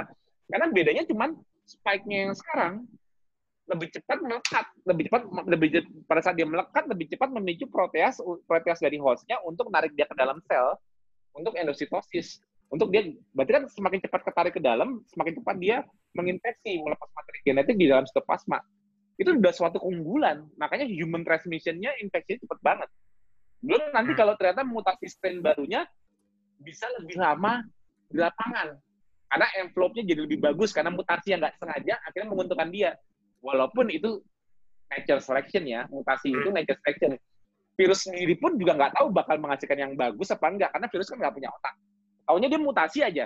Tapi kesal dengan mutasi itu karena dia kesalahan penyusunan amino, kesalahan penyusunan nukleotide yang harusnya nukleotide dipasanginnya ini, tapi karena ini proofreadingnya nggak ada dari dari replikasi dia memasangnya asal-asalan, eh tapi tiba-tiba malah membuat propertinya jadi bagus. Kan tidak tahu. Tapi kalau kalau dia kalau virus memiliki kesempatan punya host, punya host yang anabolik dan tidak merespon imunnya, ya itu lebih tinggi resikonya. Kenapa? Karena dia bisa menghasilkan ribuan jenis mutasi yang yang yang yang pada saat ke, ke transmisinya pada saat horizontal transmisi ternyata menemukan menemukan sat- satu strain yang cocok. Nah, begitu satu strain cocok ini lebih kuat, lebih lama di udara dan direplikasi kembali di host berikutnya, selesai keluar mutasi baru di lapangan. Ya, ya untuk kita memper- memperkecil mutasi ini terjadi di lapangan ya kita harus buat orang sadar jangan jadi reservoir anabolik. Jangan lambat respon imunnya, jangan terlalu anabolik badannya. Karena kenapa? Kalau orang obesity, resikonya dia anabolik karena dia ot- otomatis overeating ya. Dan dia juga respon imun lambat, otomatis mengizinkan jadi host untuk replikasi, jadi reservoir. Sebelum, tapi akhirnya sih direspon walaupun terat. Tapi dia sempat mengizinkan replikasi dalam jumlah besar. Artinya dia host-host seperti ini meningkatkan kemunculan mutasi-mutasi jenis baru di luar sana. Dari dari dari mutasi random tapi akhirnya menemukan mana yang mana yang mana yang mendukung untuk dia lebih lebih ganas misalnya. Bisa aja sih mutasi mutasinya bisa aja membuat dia lebih lemah ada. Tapi kan memungkinkan ada yang lebih ganas terseleksi dan dan, dan termodifikasi. Setelah ini yang ganas yang ganas ini muncul, eh masuk ke host berikutnya dari orang yang obesitas ini dia diduplikasi lagi. Yang tipe baru ini nyebar lagi ke mana-mana. Itu yang aku maksud. Jadi resiko di lapangan itu kalau kita dengan resiko obesitas itu menjadi menjadi reservoir bagi mutasi baru itu juga harus dipantau karena mereka respon imun lambat dan anabolik tubuhnya sifatnya. Nah, Hmm. makanya kemarin kan aku buat buat postingan untuk menganjurkan kalau merasa mengurus profilnya jelek, HbA1c tinggi dan sifat tubuhnya anabolik karena hiperglikemia, jangan beri kesempatan virus menggunakan dirimu sebagai reservoir. Karena kalau kamu jadi reservoir, kamu nggak karantina mandiri karena kamu merasa punya imun respons jelek, ya resikonya untuk munculnya kemunculan strain baru nggak bisa dihindarin gitu karena karena semakin cepat horizontal transmission ini. Hmm. maksudnya uh, penyebaran horizontal ini makin cepat ya makin mengizinkan munculnya mutasi baru. Ya kalau bagi yang sehat bagi yang sehat bagi yang sehat maksudnya bagi yang yang imunis profilnya rendah ya mau mutasinya kayak apa pun mau mutasi ini lebih kuat lebih apa asal respon imunnya cepat ya jalur dari mulai dia re- ngerespon sampai adaptif imun respon ya tetap sama. Jadi manusia itu dengan kondisi respon imun optimal virus dari dari dulu sampai sekarang kalau dia kuncinya di kecepatan speed dia mengenali dari pet ini nih. Biar biar biar biar biar orang nggak takut mengenai mutasi juga nih. Mau ada seribu mutasi mau ada seribu mutasi di luar sana. Tapi yang namanya virus namanya patogen dia punya pola. Hmm. Nah, imun sel kita di jalur mukosa, di respiratory tract sini sampai upper, itu di balik mukosa kita banyak sel imun yang sifatnya non spesifik atau gini. gue nggak tahu ini nama virus apa.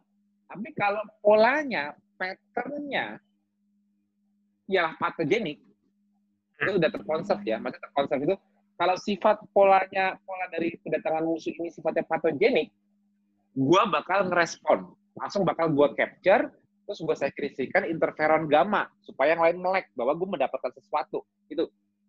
Sesuatu ini non spesifik. ya mas ya. Ya, karena karena dia cuman karena eh, di setiap sel imun terutama kalau untuk virus dendritic cell, dia tuh ada namanya PRR.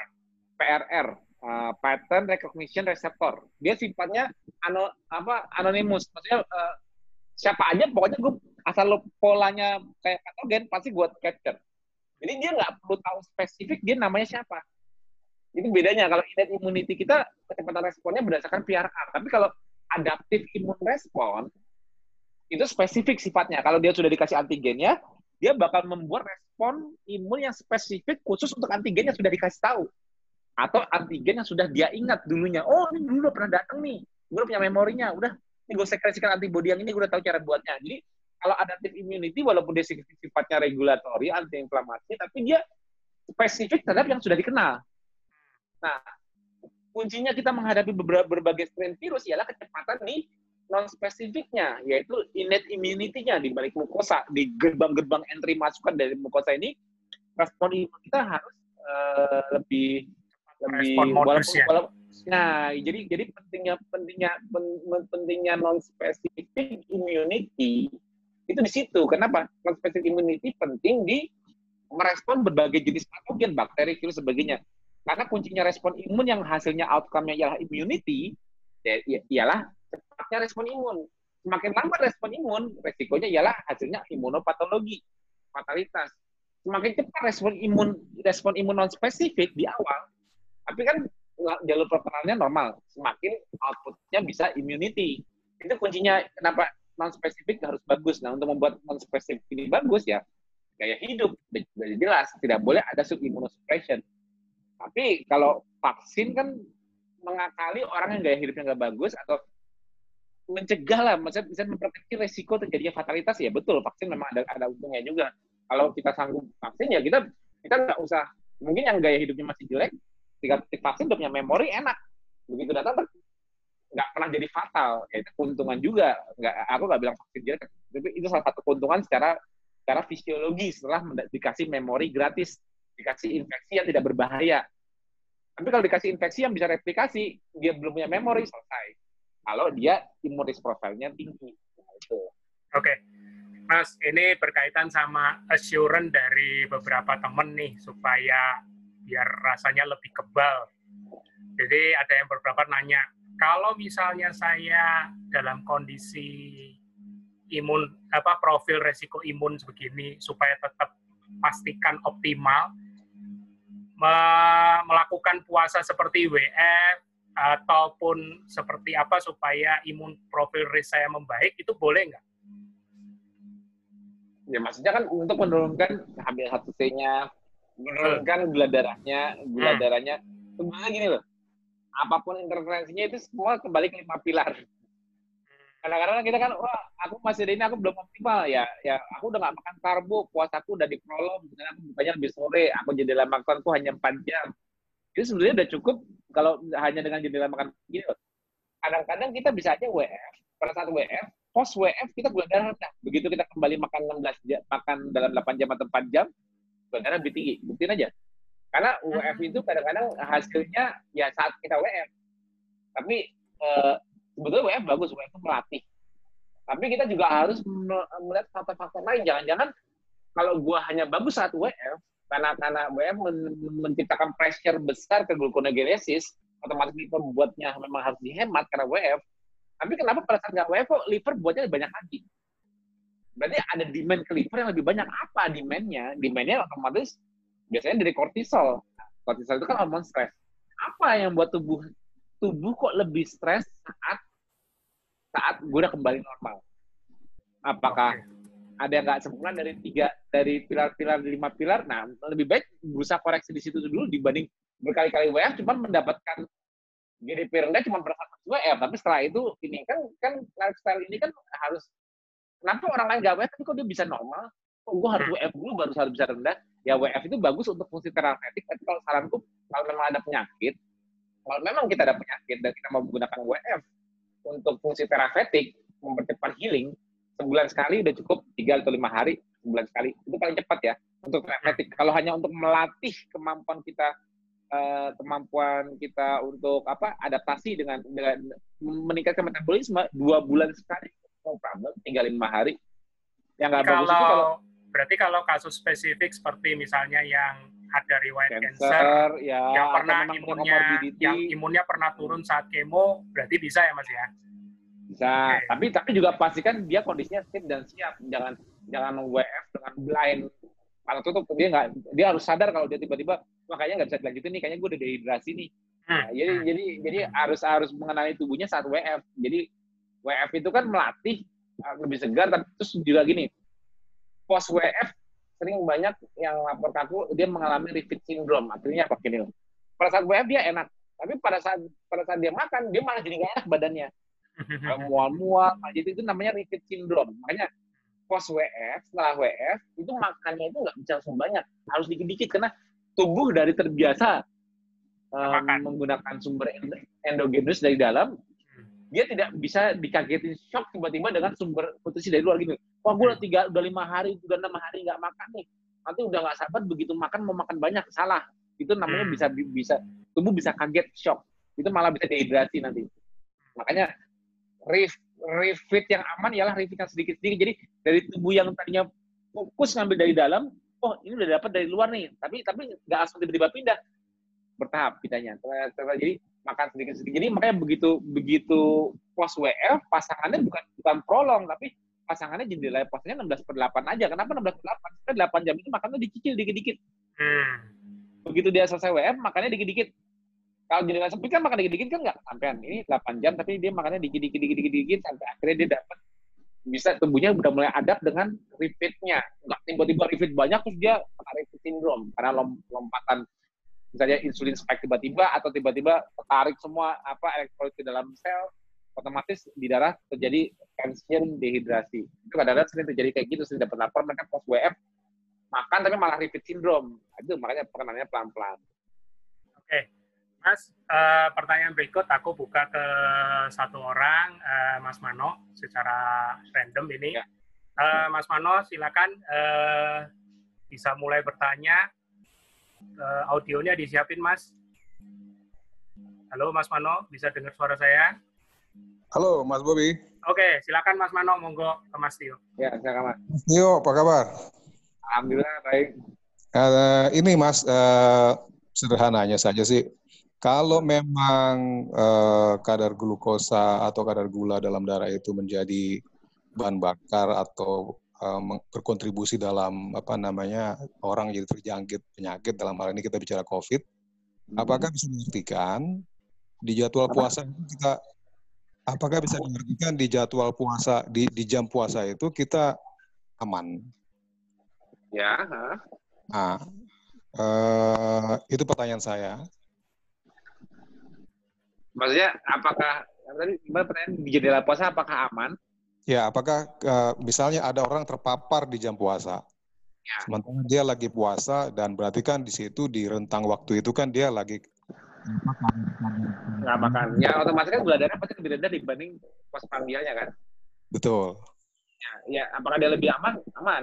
Karena kondisi kondisi gula darah rendah dan kondisi kita nggak makan itu, respon imun kita selain lebih cepat, pada saat kita respon imunnya lambat pun, infeksinya itu tidak tidak bisa tidak mendapatkan host yang anabolik dong, karena dengan tidak jendela puasa. Maka saranku itu kan kalau kita bagi yang sudah KF yang udah puasa, amannya kalau kita di situasi yang tidak aman, kayak gini.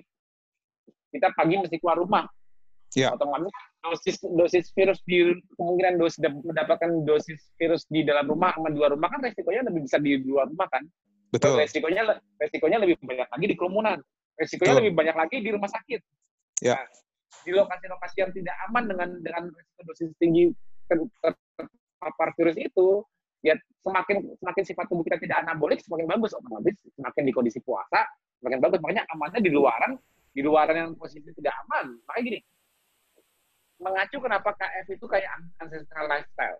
Kenapa orang dari pagi di masa lalu berburu mencari makan, begitu ketemu makanan, mereka nggak langsung makan di tempat. Mereka tunggu aman, walaupun dapat jam 12, jam 1 siang, kadang-kadang mereka udah dapat makanannya, mereka bawa pulang dulu ke rumahnya yang aman, baru buruannya dimasak dan disantap rame-rame di kondisi aman. Kenapa? Karena pada saat makan itu butuh butuh ketenangan, butuh rasa aman. Kalau di masa lalu habis berburu nggak makan di tempat, kenapa? Karena kalau dia lagi makan tempat ada predator lain yang mau merebut atau dia malah di, di, dimangsa gimana? Makanya eh, eh, makan dengan kondisi aman itu kok insting manusia dari dulu. Nah, sama kayak kita di kondisi sekarang, mungkin dengan kita mengaplikasikan KF lifestyle di mana kita bisa makan kapan aja, tapi kita membatasi jendela makan kita dari pagi. Walaupun dari pagi pun banyak yang bisa kita bisa makan macam-macam, tapi kita karena ngikutin cara cara hidup manusia di masa lalu ialah pagi susah makan, kita dari pagi nggak makan ialah apa? Dari pagi sampai siang atau sore hari jendela makan kita, kita rata-rata normalnya paling bagus itu makannya di sore hari. Kenapa? Karena di masa lalu orang juga seperti itu makannya pada saat mereka sudah kembali ke rumah masing-masing walaupun dapatnya siang. Kenapa? Karena pada saat kita aman. Jadi kalau kita di lapangan dengan kondisi wabah seperti ini, kita ngikutin ancestral lifestyle, di mana kita pada saat di luar kita kerja atau apa, kita kita dalam kondisi yang rentan untuk terserang patogen dari mana pun, nggak harus COVID ataupun patogennya, ya kita lebih aman di kondisi puasa. Yeah. Respon imun lebih cepat, dan tubuh kita tidak menjadi reservoir yang anabolik pada saat memang kepenetrasi. Hmm. Dan otomatis dengan tidak tidak menjadi reservoir anabolik memberikan kesempatan untuk respon imun untuk mengenali duluan. Apalagi hmm. kalau dengan kalau kita di kondisi puasa yang tinggi apa autofagi bukan? Ya. Nah, yang tinggi autofagi otomatis pada saat infeksi masuk ya dia jadi korban autofagi. Oh, nah, oke. Okay. Kalau, kalau kita posisi makan di mana semua sel tubuh kita sudah dapat dari makanan atau autofagi berhenti, ada infeksi berhasil penetrasi masuk ya autofagi sifatnya enggak nggak nggak nggak mengerikan buat replikasi. Ya mungkin malah menyupport replikasi dia tapi pada saat pada saat autofagi aktif di kondisi katabolik misalnya kita semi katabolik di kondisi puasa itu menjadi lingkungan lingkungan lingkungan tubuh kita itu menjadi hostile berbahaya tidak tidak ramah dengan infeksi. Kenapa? Infeksi malah jadi korban autofagi nanti. Oke. Okay. itu itu. Itu prosesnya uh, langsung immediate ya Mas ya. Tubuh langsung merespon gitu. Misalnya dalam kondisi puasa, respon ya. imun datang, autofagi berproses, itu tubuh ya, itu jadi, langsung Iya, jadi jadi pada saat kita puasa, pada pada pada kita kondisi puasa itu kan sebetulnya kondisi sistem saraf otonomus kita kan fight or fight. Tubuh kita okay. itu dalam kondisi sigap. Oke. Okay. Jadi, jadi justru kita kalau udah makan tuh tubuh manusia malah posisi posisi sarafnya ialah rest and digest, istirahat dan mencerna. Itu kita malah nggak responsif, kita nggak siap, kita malah rentan. Kita kalau oh. kalau di masa, di masa lalu nenek moyang kita kalau udah makan, hmm. tiba-tiba ada predator, resiko mereka untuk jadi mangsa lebih gede dibanding mereka belum makan untuk melarikan diri dari predator. Oke. Okay. Nah, ini anggapnya dengan virus sama aja. Virus itu kan juga juga predator di luar sana. Kalau hmm. kita sudah makan, kita lebih rentan hmm. untuk untuk menjadi reservoir dibanding posisi kita belum makan untuk jadi reservoir. Hmm. Nah, makanya hmm uh, sama rumusnya. Anggap aja virus itu predator, ya kita lebih aman menghindari mereka saat dosis mereka besar di luar sana. Mereka bisa dibawa orang lain, atau mereka ada ada di pintu di mana di luar sana kita nggak tahu. Karena hmm. dia mungkin punya punya jendela. Tapi kalau kita sudah di rumah, kan pasti rumah pasti resikonya lebih rendah dong, dosisnya lebih rendah kalau pun ada kan.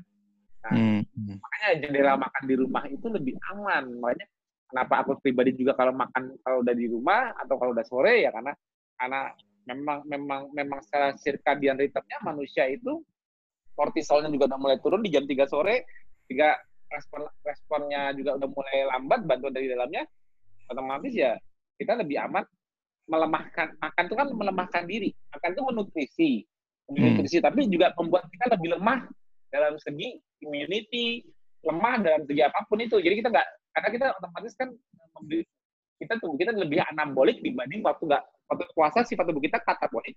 Tapi kita hmm.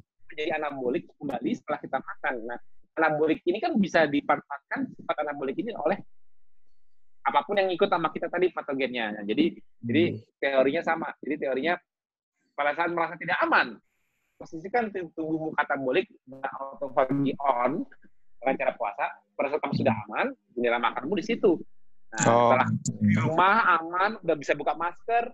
Hmm. Kalau di rumah kan nggak pakai masker kan, hmm. nggak bisa makan kan. Kalau di luar kan nggak bisa makan, maskernya pakai mulut. Yeah. Itu rasanya. Nah, di sini berarti masih tetap tergantung dengan risk profile masing-masing, Mas ya. Ini nggak nggak applicable kepada semua orang. Berarti kan misalnya bahwa gerak cepat imun itu eh gerak cepat misalnya di jam puasa ini di jam ya, puasa ya, orang HbA1 sih pengaruh. Karena kan aku bilang, kan ya, ya. ya kalau dengan KF kan logikanya lama-lama HbA1c kita turun. Ya, ya. Pasti plasma gue kan turun. Tapi kan nggak semua orang begitu. Aku udah KF 4 hari, pasti imunku kuat. Aku udah ya. 4 hari KF. Ya salah.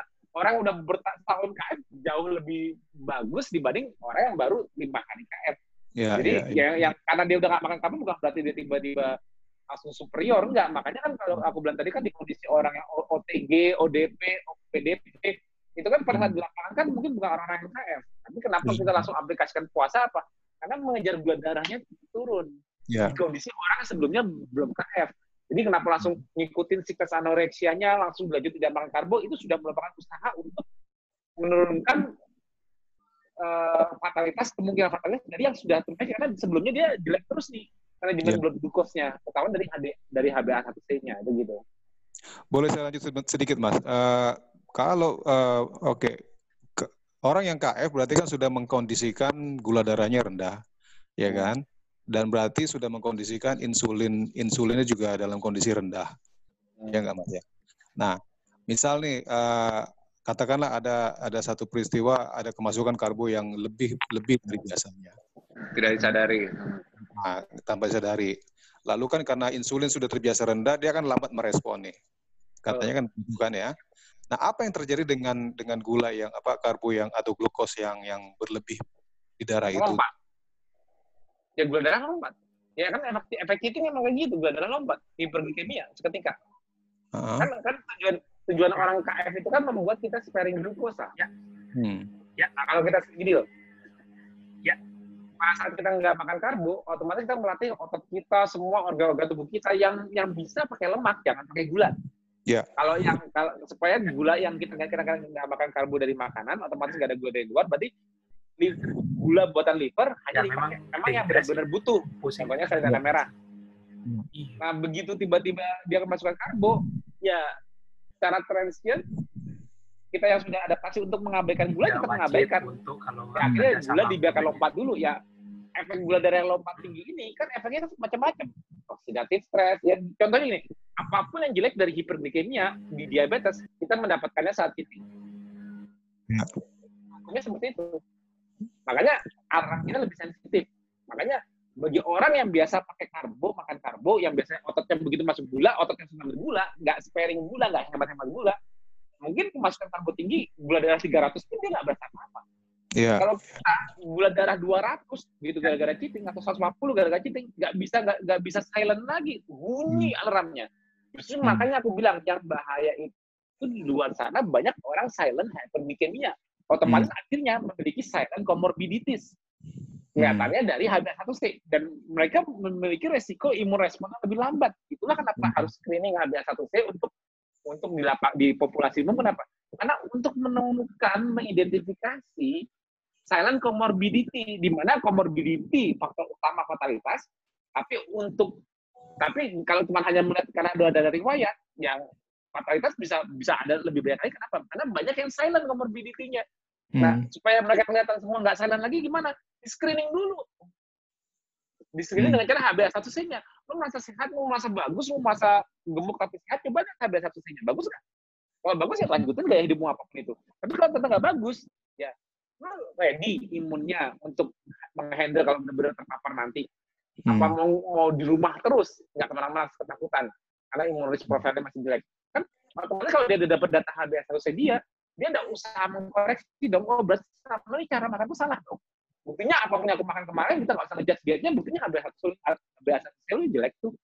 Hmm. Nah gitu loh, itu tujuannya kenapa tadi aku bilang HbA1c itu sebagai screening massal, Hmm. bagi yang bagi yang ngerti ini tapi dia belum terinfeksi dia ah, berarti aku mulai merubah gaya hidup HbA1c cek ceknya biaya sendiri tapi kalau Hmm. kalau kalau kita mau ngejar penurunan fatalitas di lapangan yang otomatis datanya datang dari rumah sakit rujukan rujukan otomatis Hmm. mereka harus juga melakukan screening ini dengan biaya pemerintah HbA1c untuk langsung menerapkan metabolic conditioning tapi akhirnya memperkecil resiko fatalitas otomatis meningkatkan moralitas dari total nanti yang terpapar berapa nanti kita nggak tahu.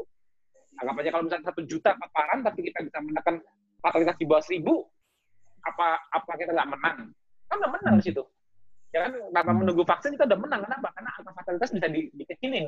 Karena Hmm. karena vaksin itu efektif bagi orang yang tidak ada perubahan gaya hidup.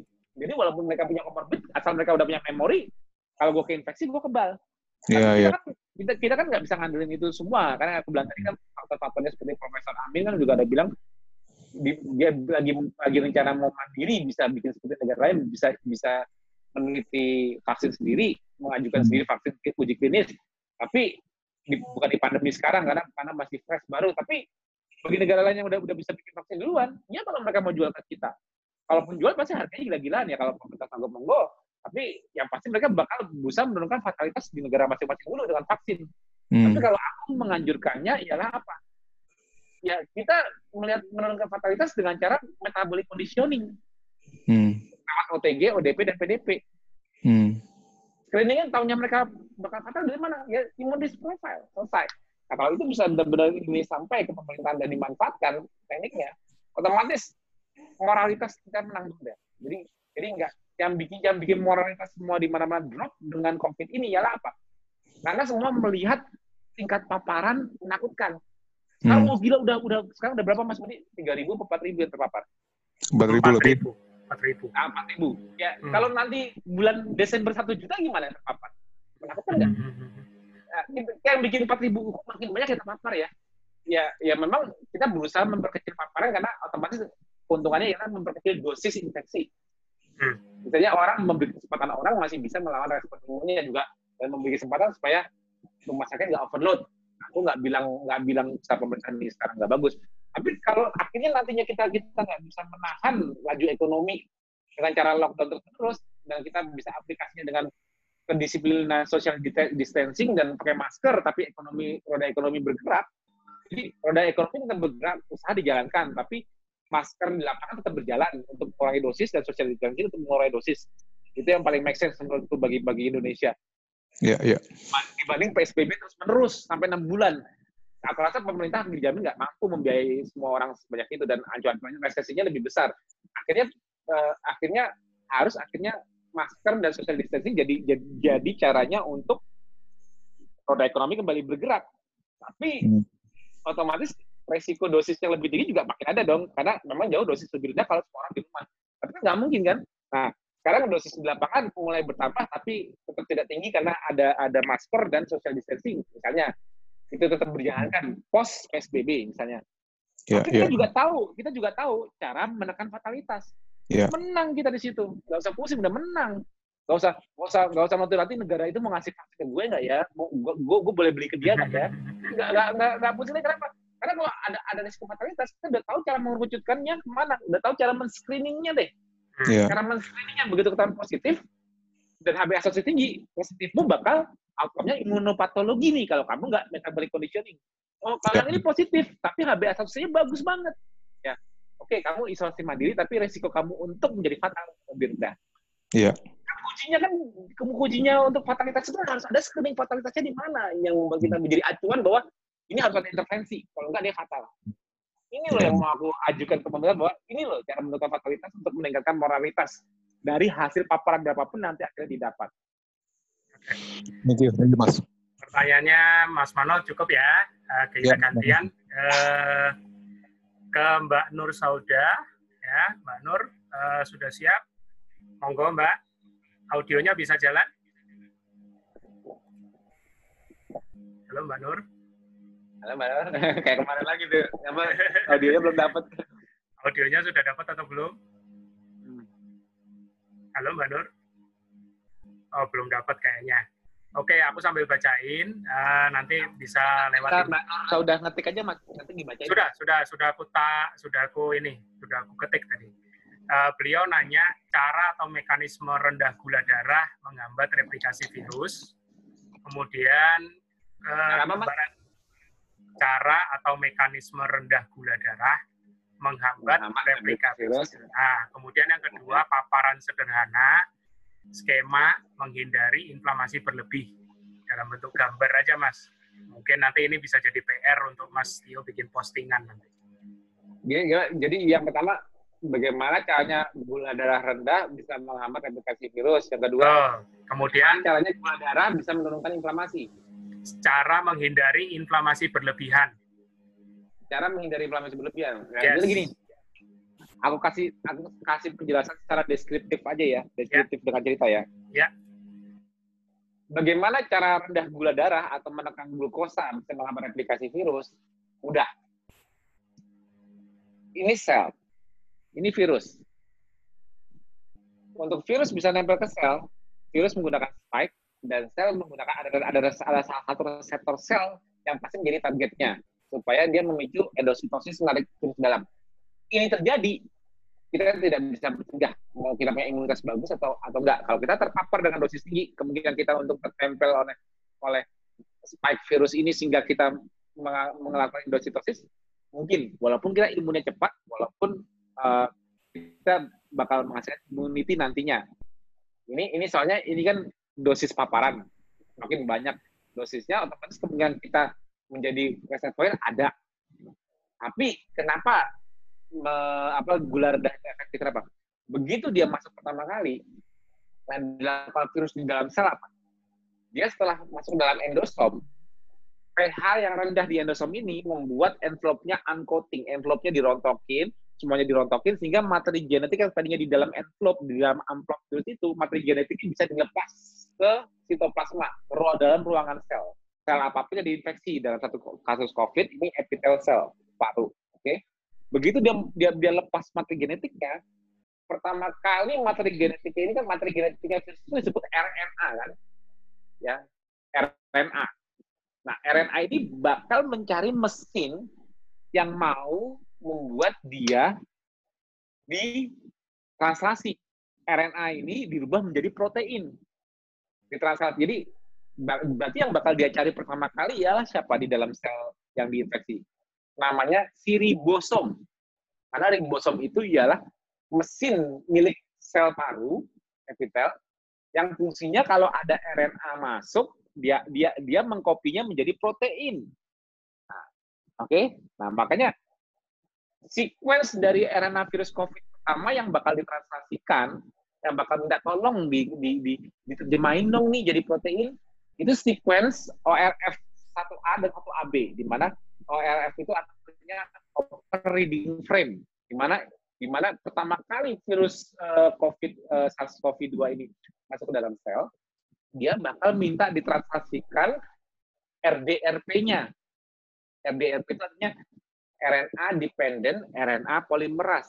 Apa itu? Itu protein polimeras yang yang nantinya kalau sudah di sudah dimain oleh bakal menjadi protein yang digunakan untuk kembali mentranskripsikan RNA tadi itu artinya apa? Jadi mesin pencetak RNA yang banyak untuk tujuan replikasi virus. Makanya pada saat materi genetik virus ini masuk pertama kali terlepas di sitoplasma, yang ditranslasikan atau diterjemahkan lebih dulu menjadi protein ialah sequence yang non struktural protein. Kalau untuk yang struktural protein, yang untuk jadi spike baru untuk anak-anaknya, untuk jadi envelope baru untuk anak-anak virusnya, untuk jadi membran protein baru, nukleokapsid baru, itu belakangan. Yang penting gue menghasilkan polimeras yang digunakan untuk mensintesis lebih banyak, mentranskripsi lebih banyak RNA. Tau nggak rahasianya di mana? Dari dari dari mulai masuk sampai ke tujuan itu, kalau kita ngerti fisiologinya, ngerti basic molekularnya, ialah apa? proses itu butuh gula. Kenapa? Untuk protein sintesis oleh ribosom itu berjalan, selular signaling utama ialah mTOR. mTOR ini aktif karena glikolisis tinggi, karena glukosa ada, amino asid ada, growth factor ada. Growth factor itu katanya insulin.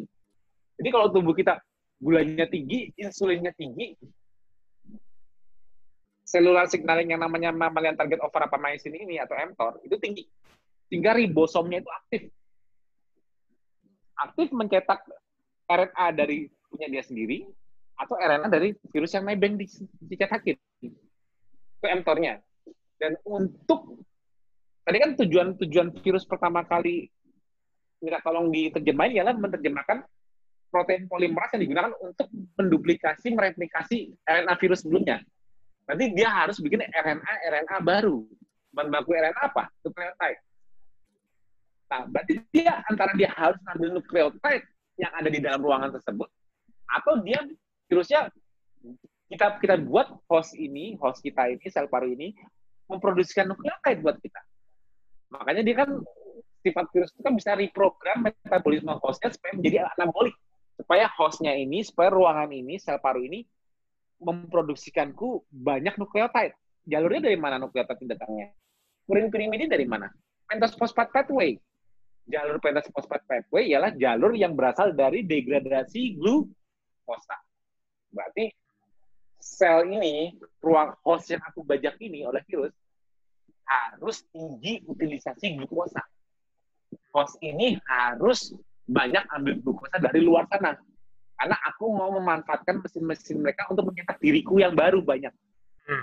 Makanya jelas kalau kita inhibit glukosanya di luaran untuk rendah, otomatis kemampuan replikasi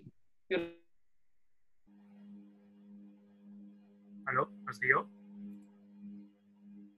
Halo, Mas Tio? Ah, Mas Tio sinyalnya agak putus-putus ini. Mas? Halo, Mas? Oke, beliau kayaknya lost sinyal. Ah, benar kan?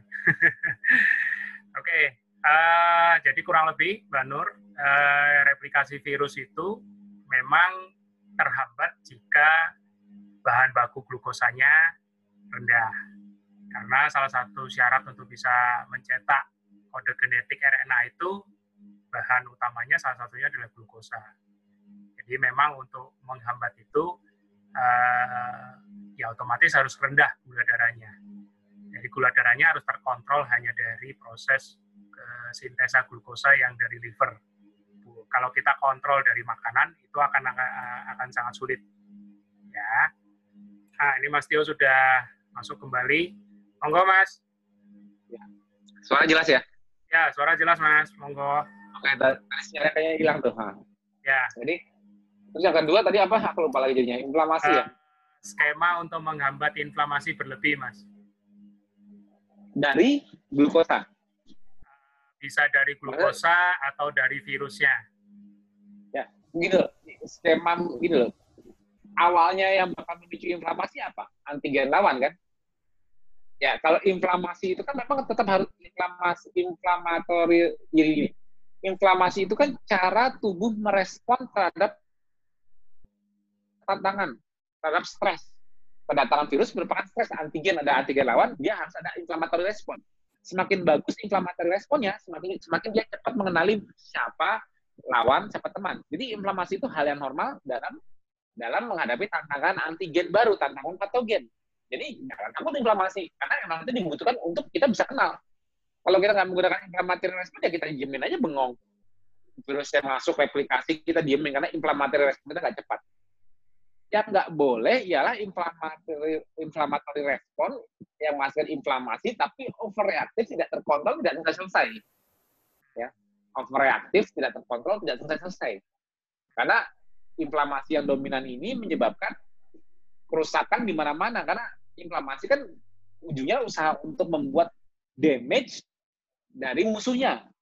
Walaupun dengan collateral damage-nya ialah teman-temannya juga ada yang damage sekitarnya karena efek inflamasi. Yang nggak bagus kan ialah apa? Kalau collateral damage-nya ini jauh lebih besar. Yang contohnya kayak cytokine storm. Inflamasinya dominan, ya damage-nya besar, paling besar sendiri. Akhirnya malah membunuh hostnya. Jadi kunci supaya inflamasinya tidak berlebih gimana? Ya speed di awal. Semakin cepat rekognisinya, hmm. semakin sedikit inflamatory respon yang dibutuhkan untuk menyingkirkan. Kalau kalau speednya lambat, beban infeksinya itu sudah sudah dibiarkan berkembang duluan, lebih banyak lebih butuh lebih banyak inflamatory respon nggak? Iya, betul. Nah, lebih banyak lebih banyak inflamatory respon dan lebih lama nggak mengklirkan infeksinya? Iya. Lebih lama. Jadi otomatis dosis inflamasinya lebih tinggi, durasinya juga lebih lama. Itu yang resiko damage lebih banyak. Jadi gimana untuk mencegah inflamatory respon berlebihan? Speed rekognisi di awal. Speed kecepatan dari non-specific immunity mengenali musuhnya siapa. Semakin cepat mengenali, semakin cepat merespon, semakin sedikit dosis inflamasi dan durasi yang dibutuhkan untuk out dari sistem. Itu rahasianya. Itu rahasia basic untuk inflammatory respon yang singkat, cepat, dan langsung langsung dibantu oleh adaptive immunity sebagai regulatornya dan respon imunnya selesai. Jadi untuk mengklirkan suatu infeksi dari mulai onset disease-nya mulai mulai masuk sampai clear, semakin cepat durasinya, semakin sedikit damage yang dihasilkan. Jadi untuk mendapatkan immunity, kan hasil dari infeksi kalau sudah resolve ya kita punya memori kan. Artinya kita punya immunity. Untuk mendapatkan immunity ini kuncinya kuncinya kita menang apa enggak apa? Durasi. Durasi yang dibutuhkan cepat. Artinya kita tidak berlama-lama melawan virus ini, tidak berlama-lama mengalami inflamasi, artinya tidak tidak banyak collateral damage. Rasanya. Oke. Ya. Oke, okay, thank you. Uh, satu lagi, ini aku beri kesempatan untuk Mbak Amita. Mbak Amita, sudah siap? Uh, aku sudah unmute. Monggo Mbak Amita. ya, oke. Okay. Monggo Mbak Amita, silakan. Video. Ya, uh, Mbak.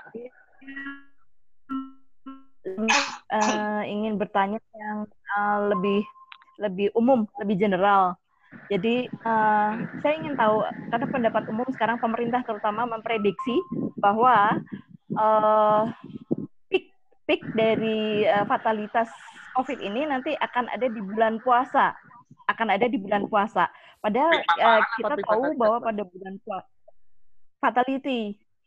Oke, okay. jam bulan puasa, oke? Okay. Iya. Nah itu prediksi pemerintah itu terjadi pada uh, bulan puasa. Nah, kalau apa yang saya tahu kan justru pada saat bulan puasa banyak orang puasa, banyak yang eh, apa eh, gula darah rendah, bukannya itu justru eh, tidak banyak yang terinfeksi. Kata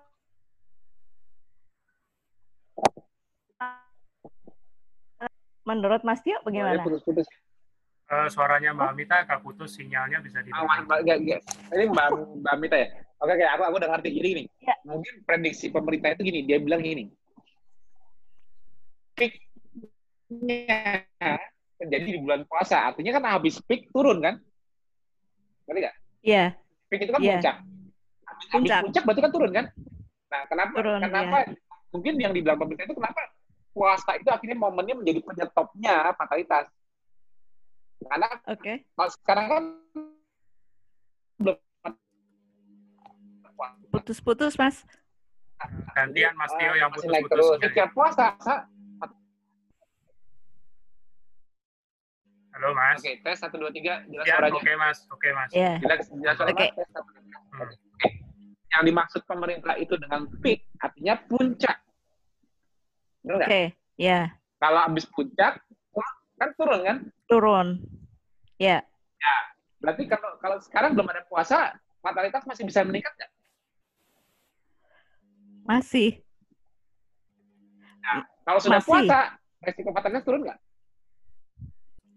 Uh, saya kira turun. Kalau sudah maksud saya gini, jadi turun. Nah, berarti, berarti, berarti peaknya kan di puasa turun. Maksudnya gitu bukan?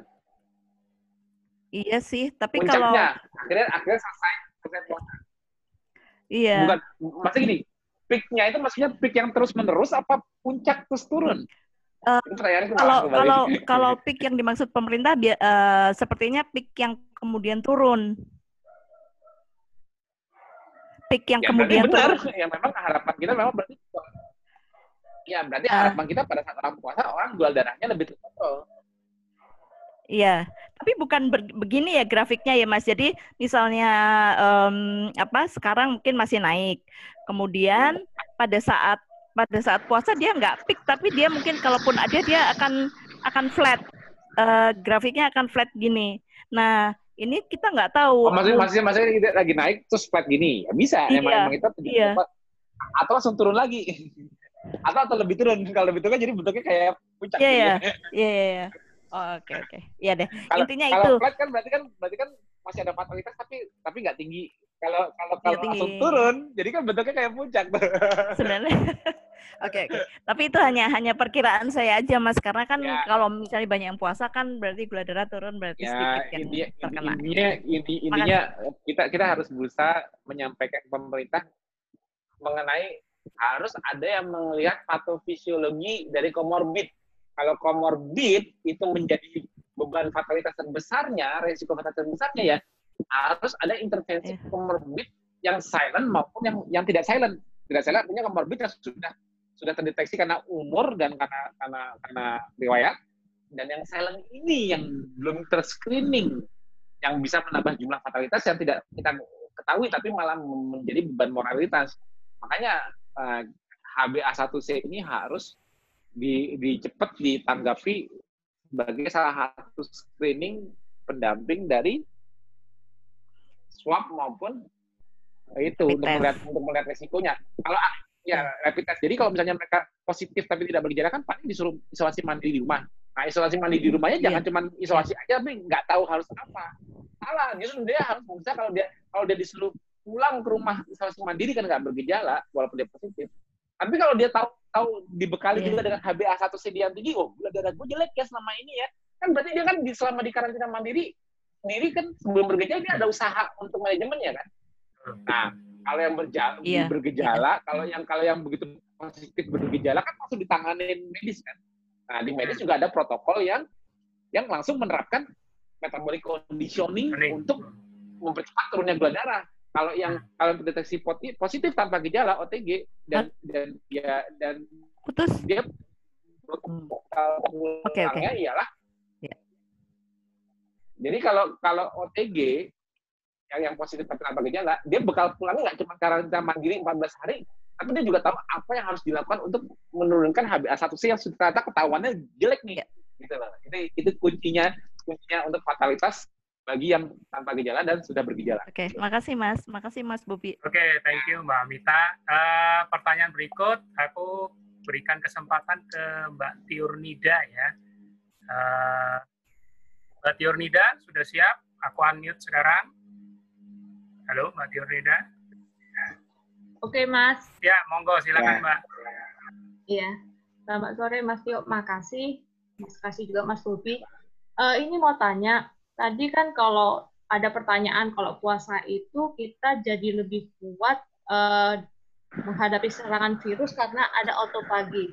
Nah, yang mau saya tanyakan gimana kalau kita waktu eh, mengalami HC, baik itu terutama untuk perempuan mungkin ya perempuan kan ada HC bulanan terus HC yang lain juga karena eh, pol- menjalankan pola KF. Nah, itu gimana Mas Tio? apanya yang gimana Kira-kira pertanyaannya kalau kita HC itu kita lebih rentan terhadap serangan virus ini atau enggak sih?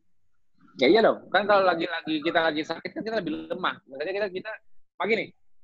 Di masa lalu nenek moyang kita kalau lagi sakit dia di luar apa di rumah? Aku tanya balik. Kalau kalau nenek moyang kita lagi lagi sakit, dia dia tetap berburu apa dia tidur di rumah? Di tempat yang aman. Aku tanya. Di rumah. Ya udah. Berarti kan saat kita sakit HC, kita itu tidak lebih rentan terhadap patogen lain kan? Entah itu HC karena bulanan kita kek, atau entah kita HC karena kita penyakit kita sendiri yang sebelumnya kek. Tapi intinya kita lagi dalam kondisi lemah nggak? Sakit itu kan melemahkan kan? Nah, Iya, amannya di mana? Amannya di, di jalanan apa aman di rumah? Aman di rumah. Ya? Jawaban paling singkat kan?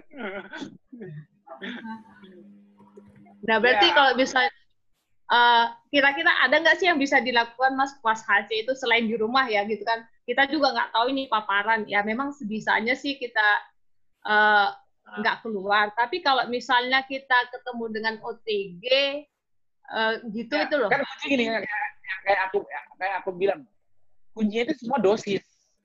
Dosis infeksi gini loh. Di rumah, kemungkinan kita dapat dosis infeksi rendah. Di luar, kemungkinan kena dosis infeksi tinggi. Masker mengurangi dosis paparan. Social distancing mengurangi dosis paparan. Nah, jadi kalau kita harus keluar rumah, ya masker dan social distancing. Selesai ya kan aku bilang tadi di awal akhirnya kan pemerintah nggak bisa lockdown terus menerus akhirnya kan orang nggak bisa bisa harus di rumah terus menerus ekonomi nggak boleh bergerak mau nggak boleh sampai enam bulan kayak gitu ya kalau merasa mampu membiayain rakyat kan monggo aja. Tapi kan akhirnya kan nggak mungkin karena menyebabkan resesi tinggi. Jadi eh, opsi berikutnya ialah memperkecil dosis dengan aturan masker diwajibkan di lapangan, diwajibkan. Di lapangan, ada pengontrolan di lapangan untuk untuk membuat rata-rata dosis selama roda ekonomi di jalan, roda ekonomi berjalan, aktivitas dijalankan, tapi dosis tetap jaga rendah. Karena karena dengan anggapan dengan anggapan virus ini sifatnya masih virulence bagi yang virulence itu artinya masih masih berbahaya bagi yang punya punya comorbid secara tersembunyi maupun memang ada. Jadi dosisnya dengan cara seperti itu. Tapi kan ya intinya kita harus ada masukan untuk gimana menekan fatalitas dan yang belum terkena untuk ada koreksi di dirinya sendiri setelah tahu HbA1c masing-masing. Kenapa? Semua orang itu tidak ada yang berubah kalau belum dikasih data. Semua orang. Jadi orang-orang di mana-mana sekarang teriak untuk data. Kita minta data, minta data. Masing-masing udah pada ngecek datanya belum? HbA1c udah pernah ngecek belum? Masa sehat dari mana dong? Oh, aku nggak mau cek data. Jadi aku jadi gini, justru aku senangnya kalau pemerintah bisa nanti menerapkan membuat imun risk profile ini ke mana-mana orang pada tahu semua, akhirnya mereka untuk yang tadinya takut, ah daripada gue takut terus-terusan, cek gue resiko tinggi apa enggak, terus mereka ngecek HbA1c. Nah, itu sudah membuat mereka bakal berubah, udah memberikan langkah, mereka berubah. Kenapa? Mengetahui data mengenai HbA1c, artinya mengetahui data bagaimana pola hidup mereka, makan maupun gaya hidup, tiga bulan terakhir itu udah bekal orang-orang di Indonesia untuk berubah dari situ dari data. Kenapa? Tanpa data tidak ada yang berubah. Eh, maksud. Oke, makasih Mas penjelasannya. Halo. Ya. Okay. Thank you, uh, Mbak Tiurnida. Uh, kesempatan berikut uh, aku berikan ke ini Mas atau Mbak ini uh, namanya KPKH. Monggo, silakan. Halo. Halo dengan dengan Mas atau Mbak ini KPKH. Oke, uh, karena mungkin namanya kurang jelas, jadi aku juga bingung untuk manggilnya. Mas, ada pertanyaan, uh, salah satunya dari Mas Panji.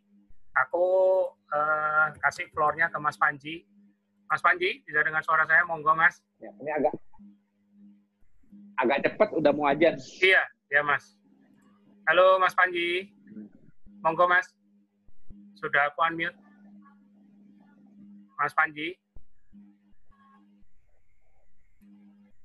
Oke, uh, Mas Panji menanyakan kalau terjadinya gelombang kedua seperti di Wuhan, ya. itu bisa terjadi lagi nggak bagi kita yang keto, Mas?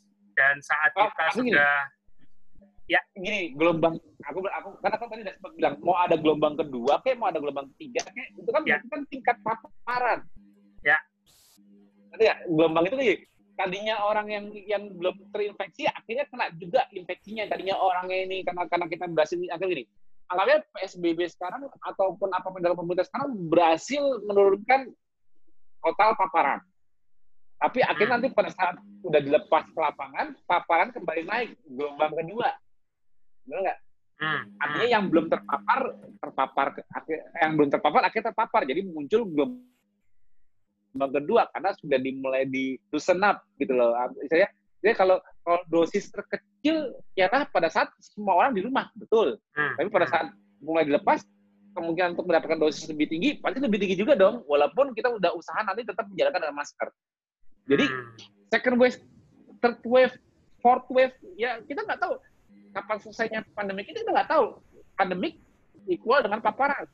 Tapi hmm. kuncinya yang mau aku tekankan di sini apa? Bukan paparannya, fatality dari paparan. Iya. Fokusnya oh, ya. bukan di paparan, ah, tapi okay. bagaimana meningkat, menurunkan okay. fatality. Nanti ada second wave. Iya. Hmm. Hmm. Makanya aku udah bilang, sekarang sekarang berapa? Empat ribu. Hmm. Kalau habis second wave nanti dua puluh ribu gimana? Habis third wave nanti satu juta orang gimana? Yeah. Tapi kalau dari dari satu juta orang terpapar kita mortality mortality-nya cuma cuma di bawah seribu gimana? Hmm. Moralitas kita berubah nggak dalam cara pandang COVID? Yeah. berubah karena kita sudah memfokuskan ke patofisiologi dasar untuk mencegah fatalitas. Nah, saya di situ selalu kembali ke fatalitas. Hmm. Kalau kita ributin paparan terus, kita takut sama second wave, takut sama third wave, takut sama fourth wave, mau sampai kapan? Hmm. Gitu. Jadi nggak bukan... bakal selesai kalau paparan. Ya, jadi fatalitasnya uh, harus ditekan. Ini mumpung Mas Panji Kusuma sudah bisa online, monggo Mas uh, dilanjut pertanyaannya, silakan. Hmm.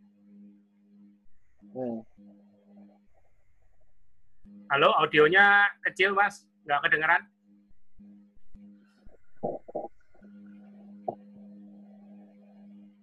Halo, udah bisa? Nggak ada suara. Nggak ada suara, Mas. Nggak ada. Oh ya, Mas Budi, kayaknya kalau pertanyaan lain nggak mungkin ya. Aku di rumah aku di seberang masjid, kita lagi ajar. Oke, oke. Enak, lanjut. Berapa pertanyaan lagi, Mas? Satu aja ya? Satu pertanyaan lagi bisa, Mas? Ya oke, agak cepat. Udah mau soalnya. Oke, satu pertanyaan lagi. Ini dari eh, Mas Dudi Hermanto. Mas Dudi sudah sudah bisa di audionya sudah bisa? Mas Dudi, monggo Mas. Ya. Oke, Mas. Ya, makasih. Ya, Mas. makasih. Eh, pertanyaan saya eh, ini mas, eh, diabetik itu kan eh, resiko apakah eh, diabetik disebabkan oleh kurangnya protein, mungkin karena pankreas fungsinya, atau karena kita resisten untuk insulin. Ya. Tahunya gimana ya mas? Kasih. Oke, monggo Mas. Mas Budi, eh, bisa Mas Budi ulang lagi nggak pertanyaan? Oke. Tadi putus-putus. Eh, kondisi Mas Budi yang diabetes. Oke, kondisi diabetes itu disebabkan oleh kurangnya produksi insulin dari beta sel atau kondisi resistan insulin, Mas? Dua-duanya. Oke. awal jadi jadi diabetes itu artinya diabetes itu artinya hiperglikemia hiperglikemia karena apa karena insulin resistan betul karena insulinnya kurang juga betul tidak ada salah tapi kalau yang umumnya terjadi sekarang di masalah orang yang yang tipe 2 saat ini zaman modern bukan karena insulinnya kurang tapi karena insulinnya berlebihan dulu malah jadi gini awalnya orang ini overeating mungkin awalnya glukosa bisa dihandle dengan insulin yang yang, yang dengan produksi insulin biasa tapi akhirnya pada saat semua sel tubuh udah teriak, nggak bisa terima gula lagi, akhirnya pankreas menambahkan jumlah insulinnya untuk mengakali supaya gula bisa cepat masuk ke dalam dalam tubuh. Entah itu digunakan sebagai energi, glikogen, ataupun disimpan jadi lemak. Pokoknya gimana cara menghilangkan gula. Jadi efeknya pada saat terjadinya obesity atau kemunculan T2D, tipe 2 diabetes, ialah hyperinsulinemia dulu bersama hiperglikemianya. Karena tujuan hyperinsulinemia secara alaminya itu untuk counter efek dari insulin resistan yang terjadi. Tapi pada saat diabetiknya sudah parah, insulin hyperinsulinemia, insulin berlebihan yang dihasilkan pankreas ini tidak tetap tidak bisa menekan gulanya, akhirnya pankreas kalah. Pankreas juga mengalami oxidative stress. Akhirnya pankreasnya juga mulai berkurang jumlah beta selnya karena apoptosis. Akhirnya pankreas ini juga mulai mengalami penurunan kemampuan produksi insulin. Otomatis di sini hiperglikemianya juga makin tadinya dengan dikontrol misalnya gini, normalnya pankreas buat dosisnya 100.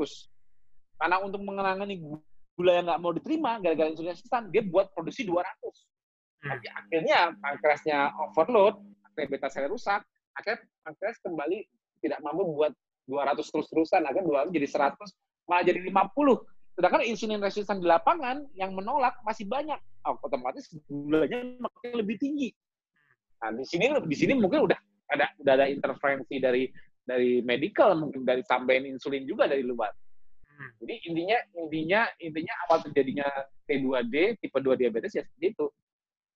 Overeating kita kita nggak sadar bahwa kita membebani gini dengan dengan tinggi makan karbohidrat dari kita yang mengalami kenaikan BMI atau kita mengalami penumpukan di visceral fat depan walaupun tidak nempel di, di lemaknya kita berarti kita sudah mengalami insulin resisten di mana ternyata tubuh kita itu udah nggak kuat handle karbo terserap.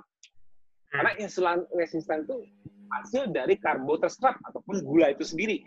Karbo terserap hasilnya gula, gula itu sendiri hasilnya gula. Jadi insulin resisten ialah ketidak ketidakmampuan kita toleransi dengan namanya gula dari karbo terserap maupun dari gula itu sendiri. Jadi untuk mereverse insulin resisten ya kita hilangkan akarnya. Apalagi umur ya, semakin orang berumur, semakin orang dari muda sampai tua, semakin dia tidak toleransi dengan karbohidrat terserap. Yang muda masih toleran, masih bisa menjaga gula darah rendah walaupun makan karbo. Dibanding orang yang makin tua. Karbonya tetap sama porsinya, tapi gulanya lebih tinggi dibanding yang muda. Kenapa? Nanti toleransi terhadap karbo menurun seiring umur. Artinya aging, penuaan, ialah peningkatan insulin resistan. Kalau ini dimengerti, berarti apa? Semakin orang makin tua, bukan semakin tinggi karbonya. Harus semakin rendah karbo, kalau perlu sangat rendah karbohidrat terserap. bukan hanya gula. Sekarang semua orang setuju. Hindari gula setuju nggak? Iya. Kalau karbohidrat terserap, yang akhirnya jadi gula. Mikir dulu Belum dia, semuanya. Pikir, pikir dulu. Belum semuanya. Padahal Oke, sama Mas. gula, sama aja gulanya. Oke, thank you. Uh, closing statement sama sekaligus kalau ada next sesi talk show from home, kapan Mas? Monggo diumumkan. Ya, aku belum tahu nih untuk sesi berikutnya. Ya, nanti pasti aku ngomongin kalau ada lagi minggu ini. Aku atau minggu ini masih sempat Jumat apa enggak, tapi ada aku kabarin ya. Paling enggak mungkin kalau nggak ada undangan talk show lain, mungkin satu minggu insya Allah juga bisa. Tapi ya yang yang yang yang aku harapkan dari talk show ini ialah saat saat nanti ini video ini sudah dirilis ditonton banyak orang, aku harap imun risk profile bisa bantu kita tekan angka fatalitas di kondisi wabah saat ini. Udah maghrib, terima kasih semuanya. Assalamualaikum warahmatullahi wabarakatuh. Oke, thank you Mas. Terima kasih, Mas Budi. Makasih. Bye bye Mas Tio. Assalamualaikum. Assalamualaikum. Terima kasih Mas Bobi. You, Bobby. Ya, terima kasih. Pertanyaannya di diikutkan. Thank you Mas. Thank you. Ini wangi sekali. Terima kasih Mas Bobi, Mas Tio. Wangi sekali. Ya, pupuk. Ya, mandi Kak Zizi. Ya,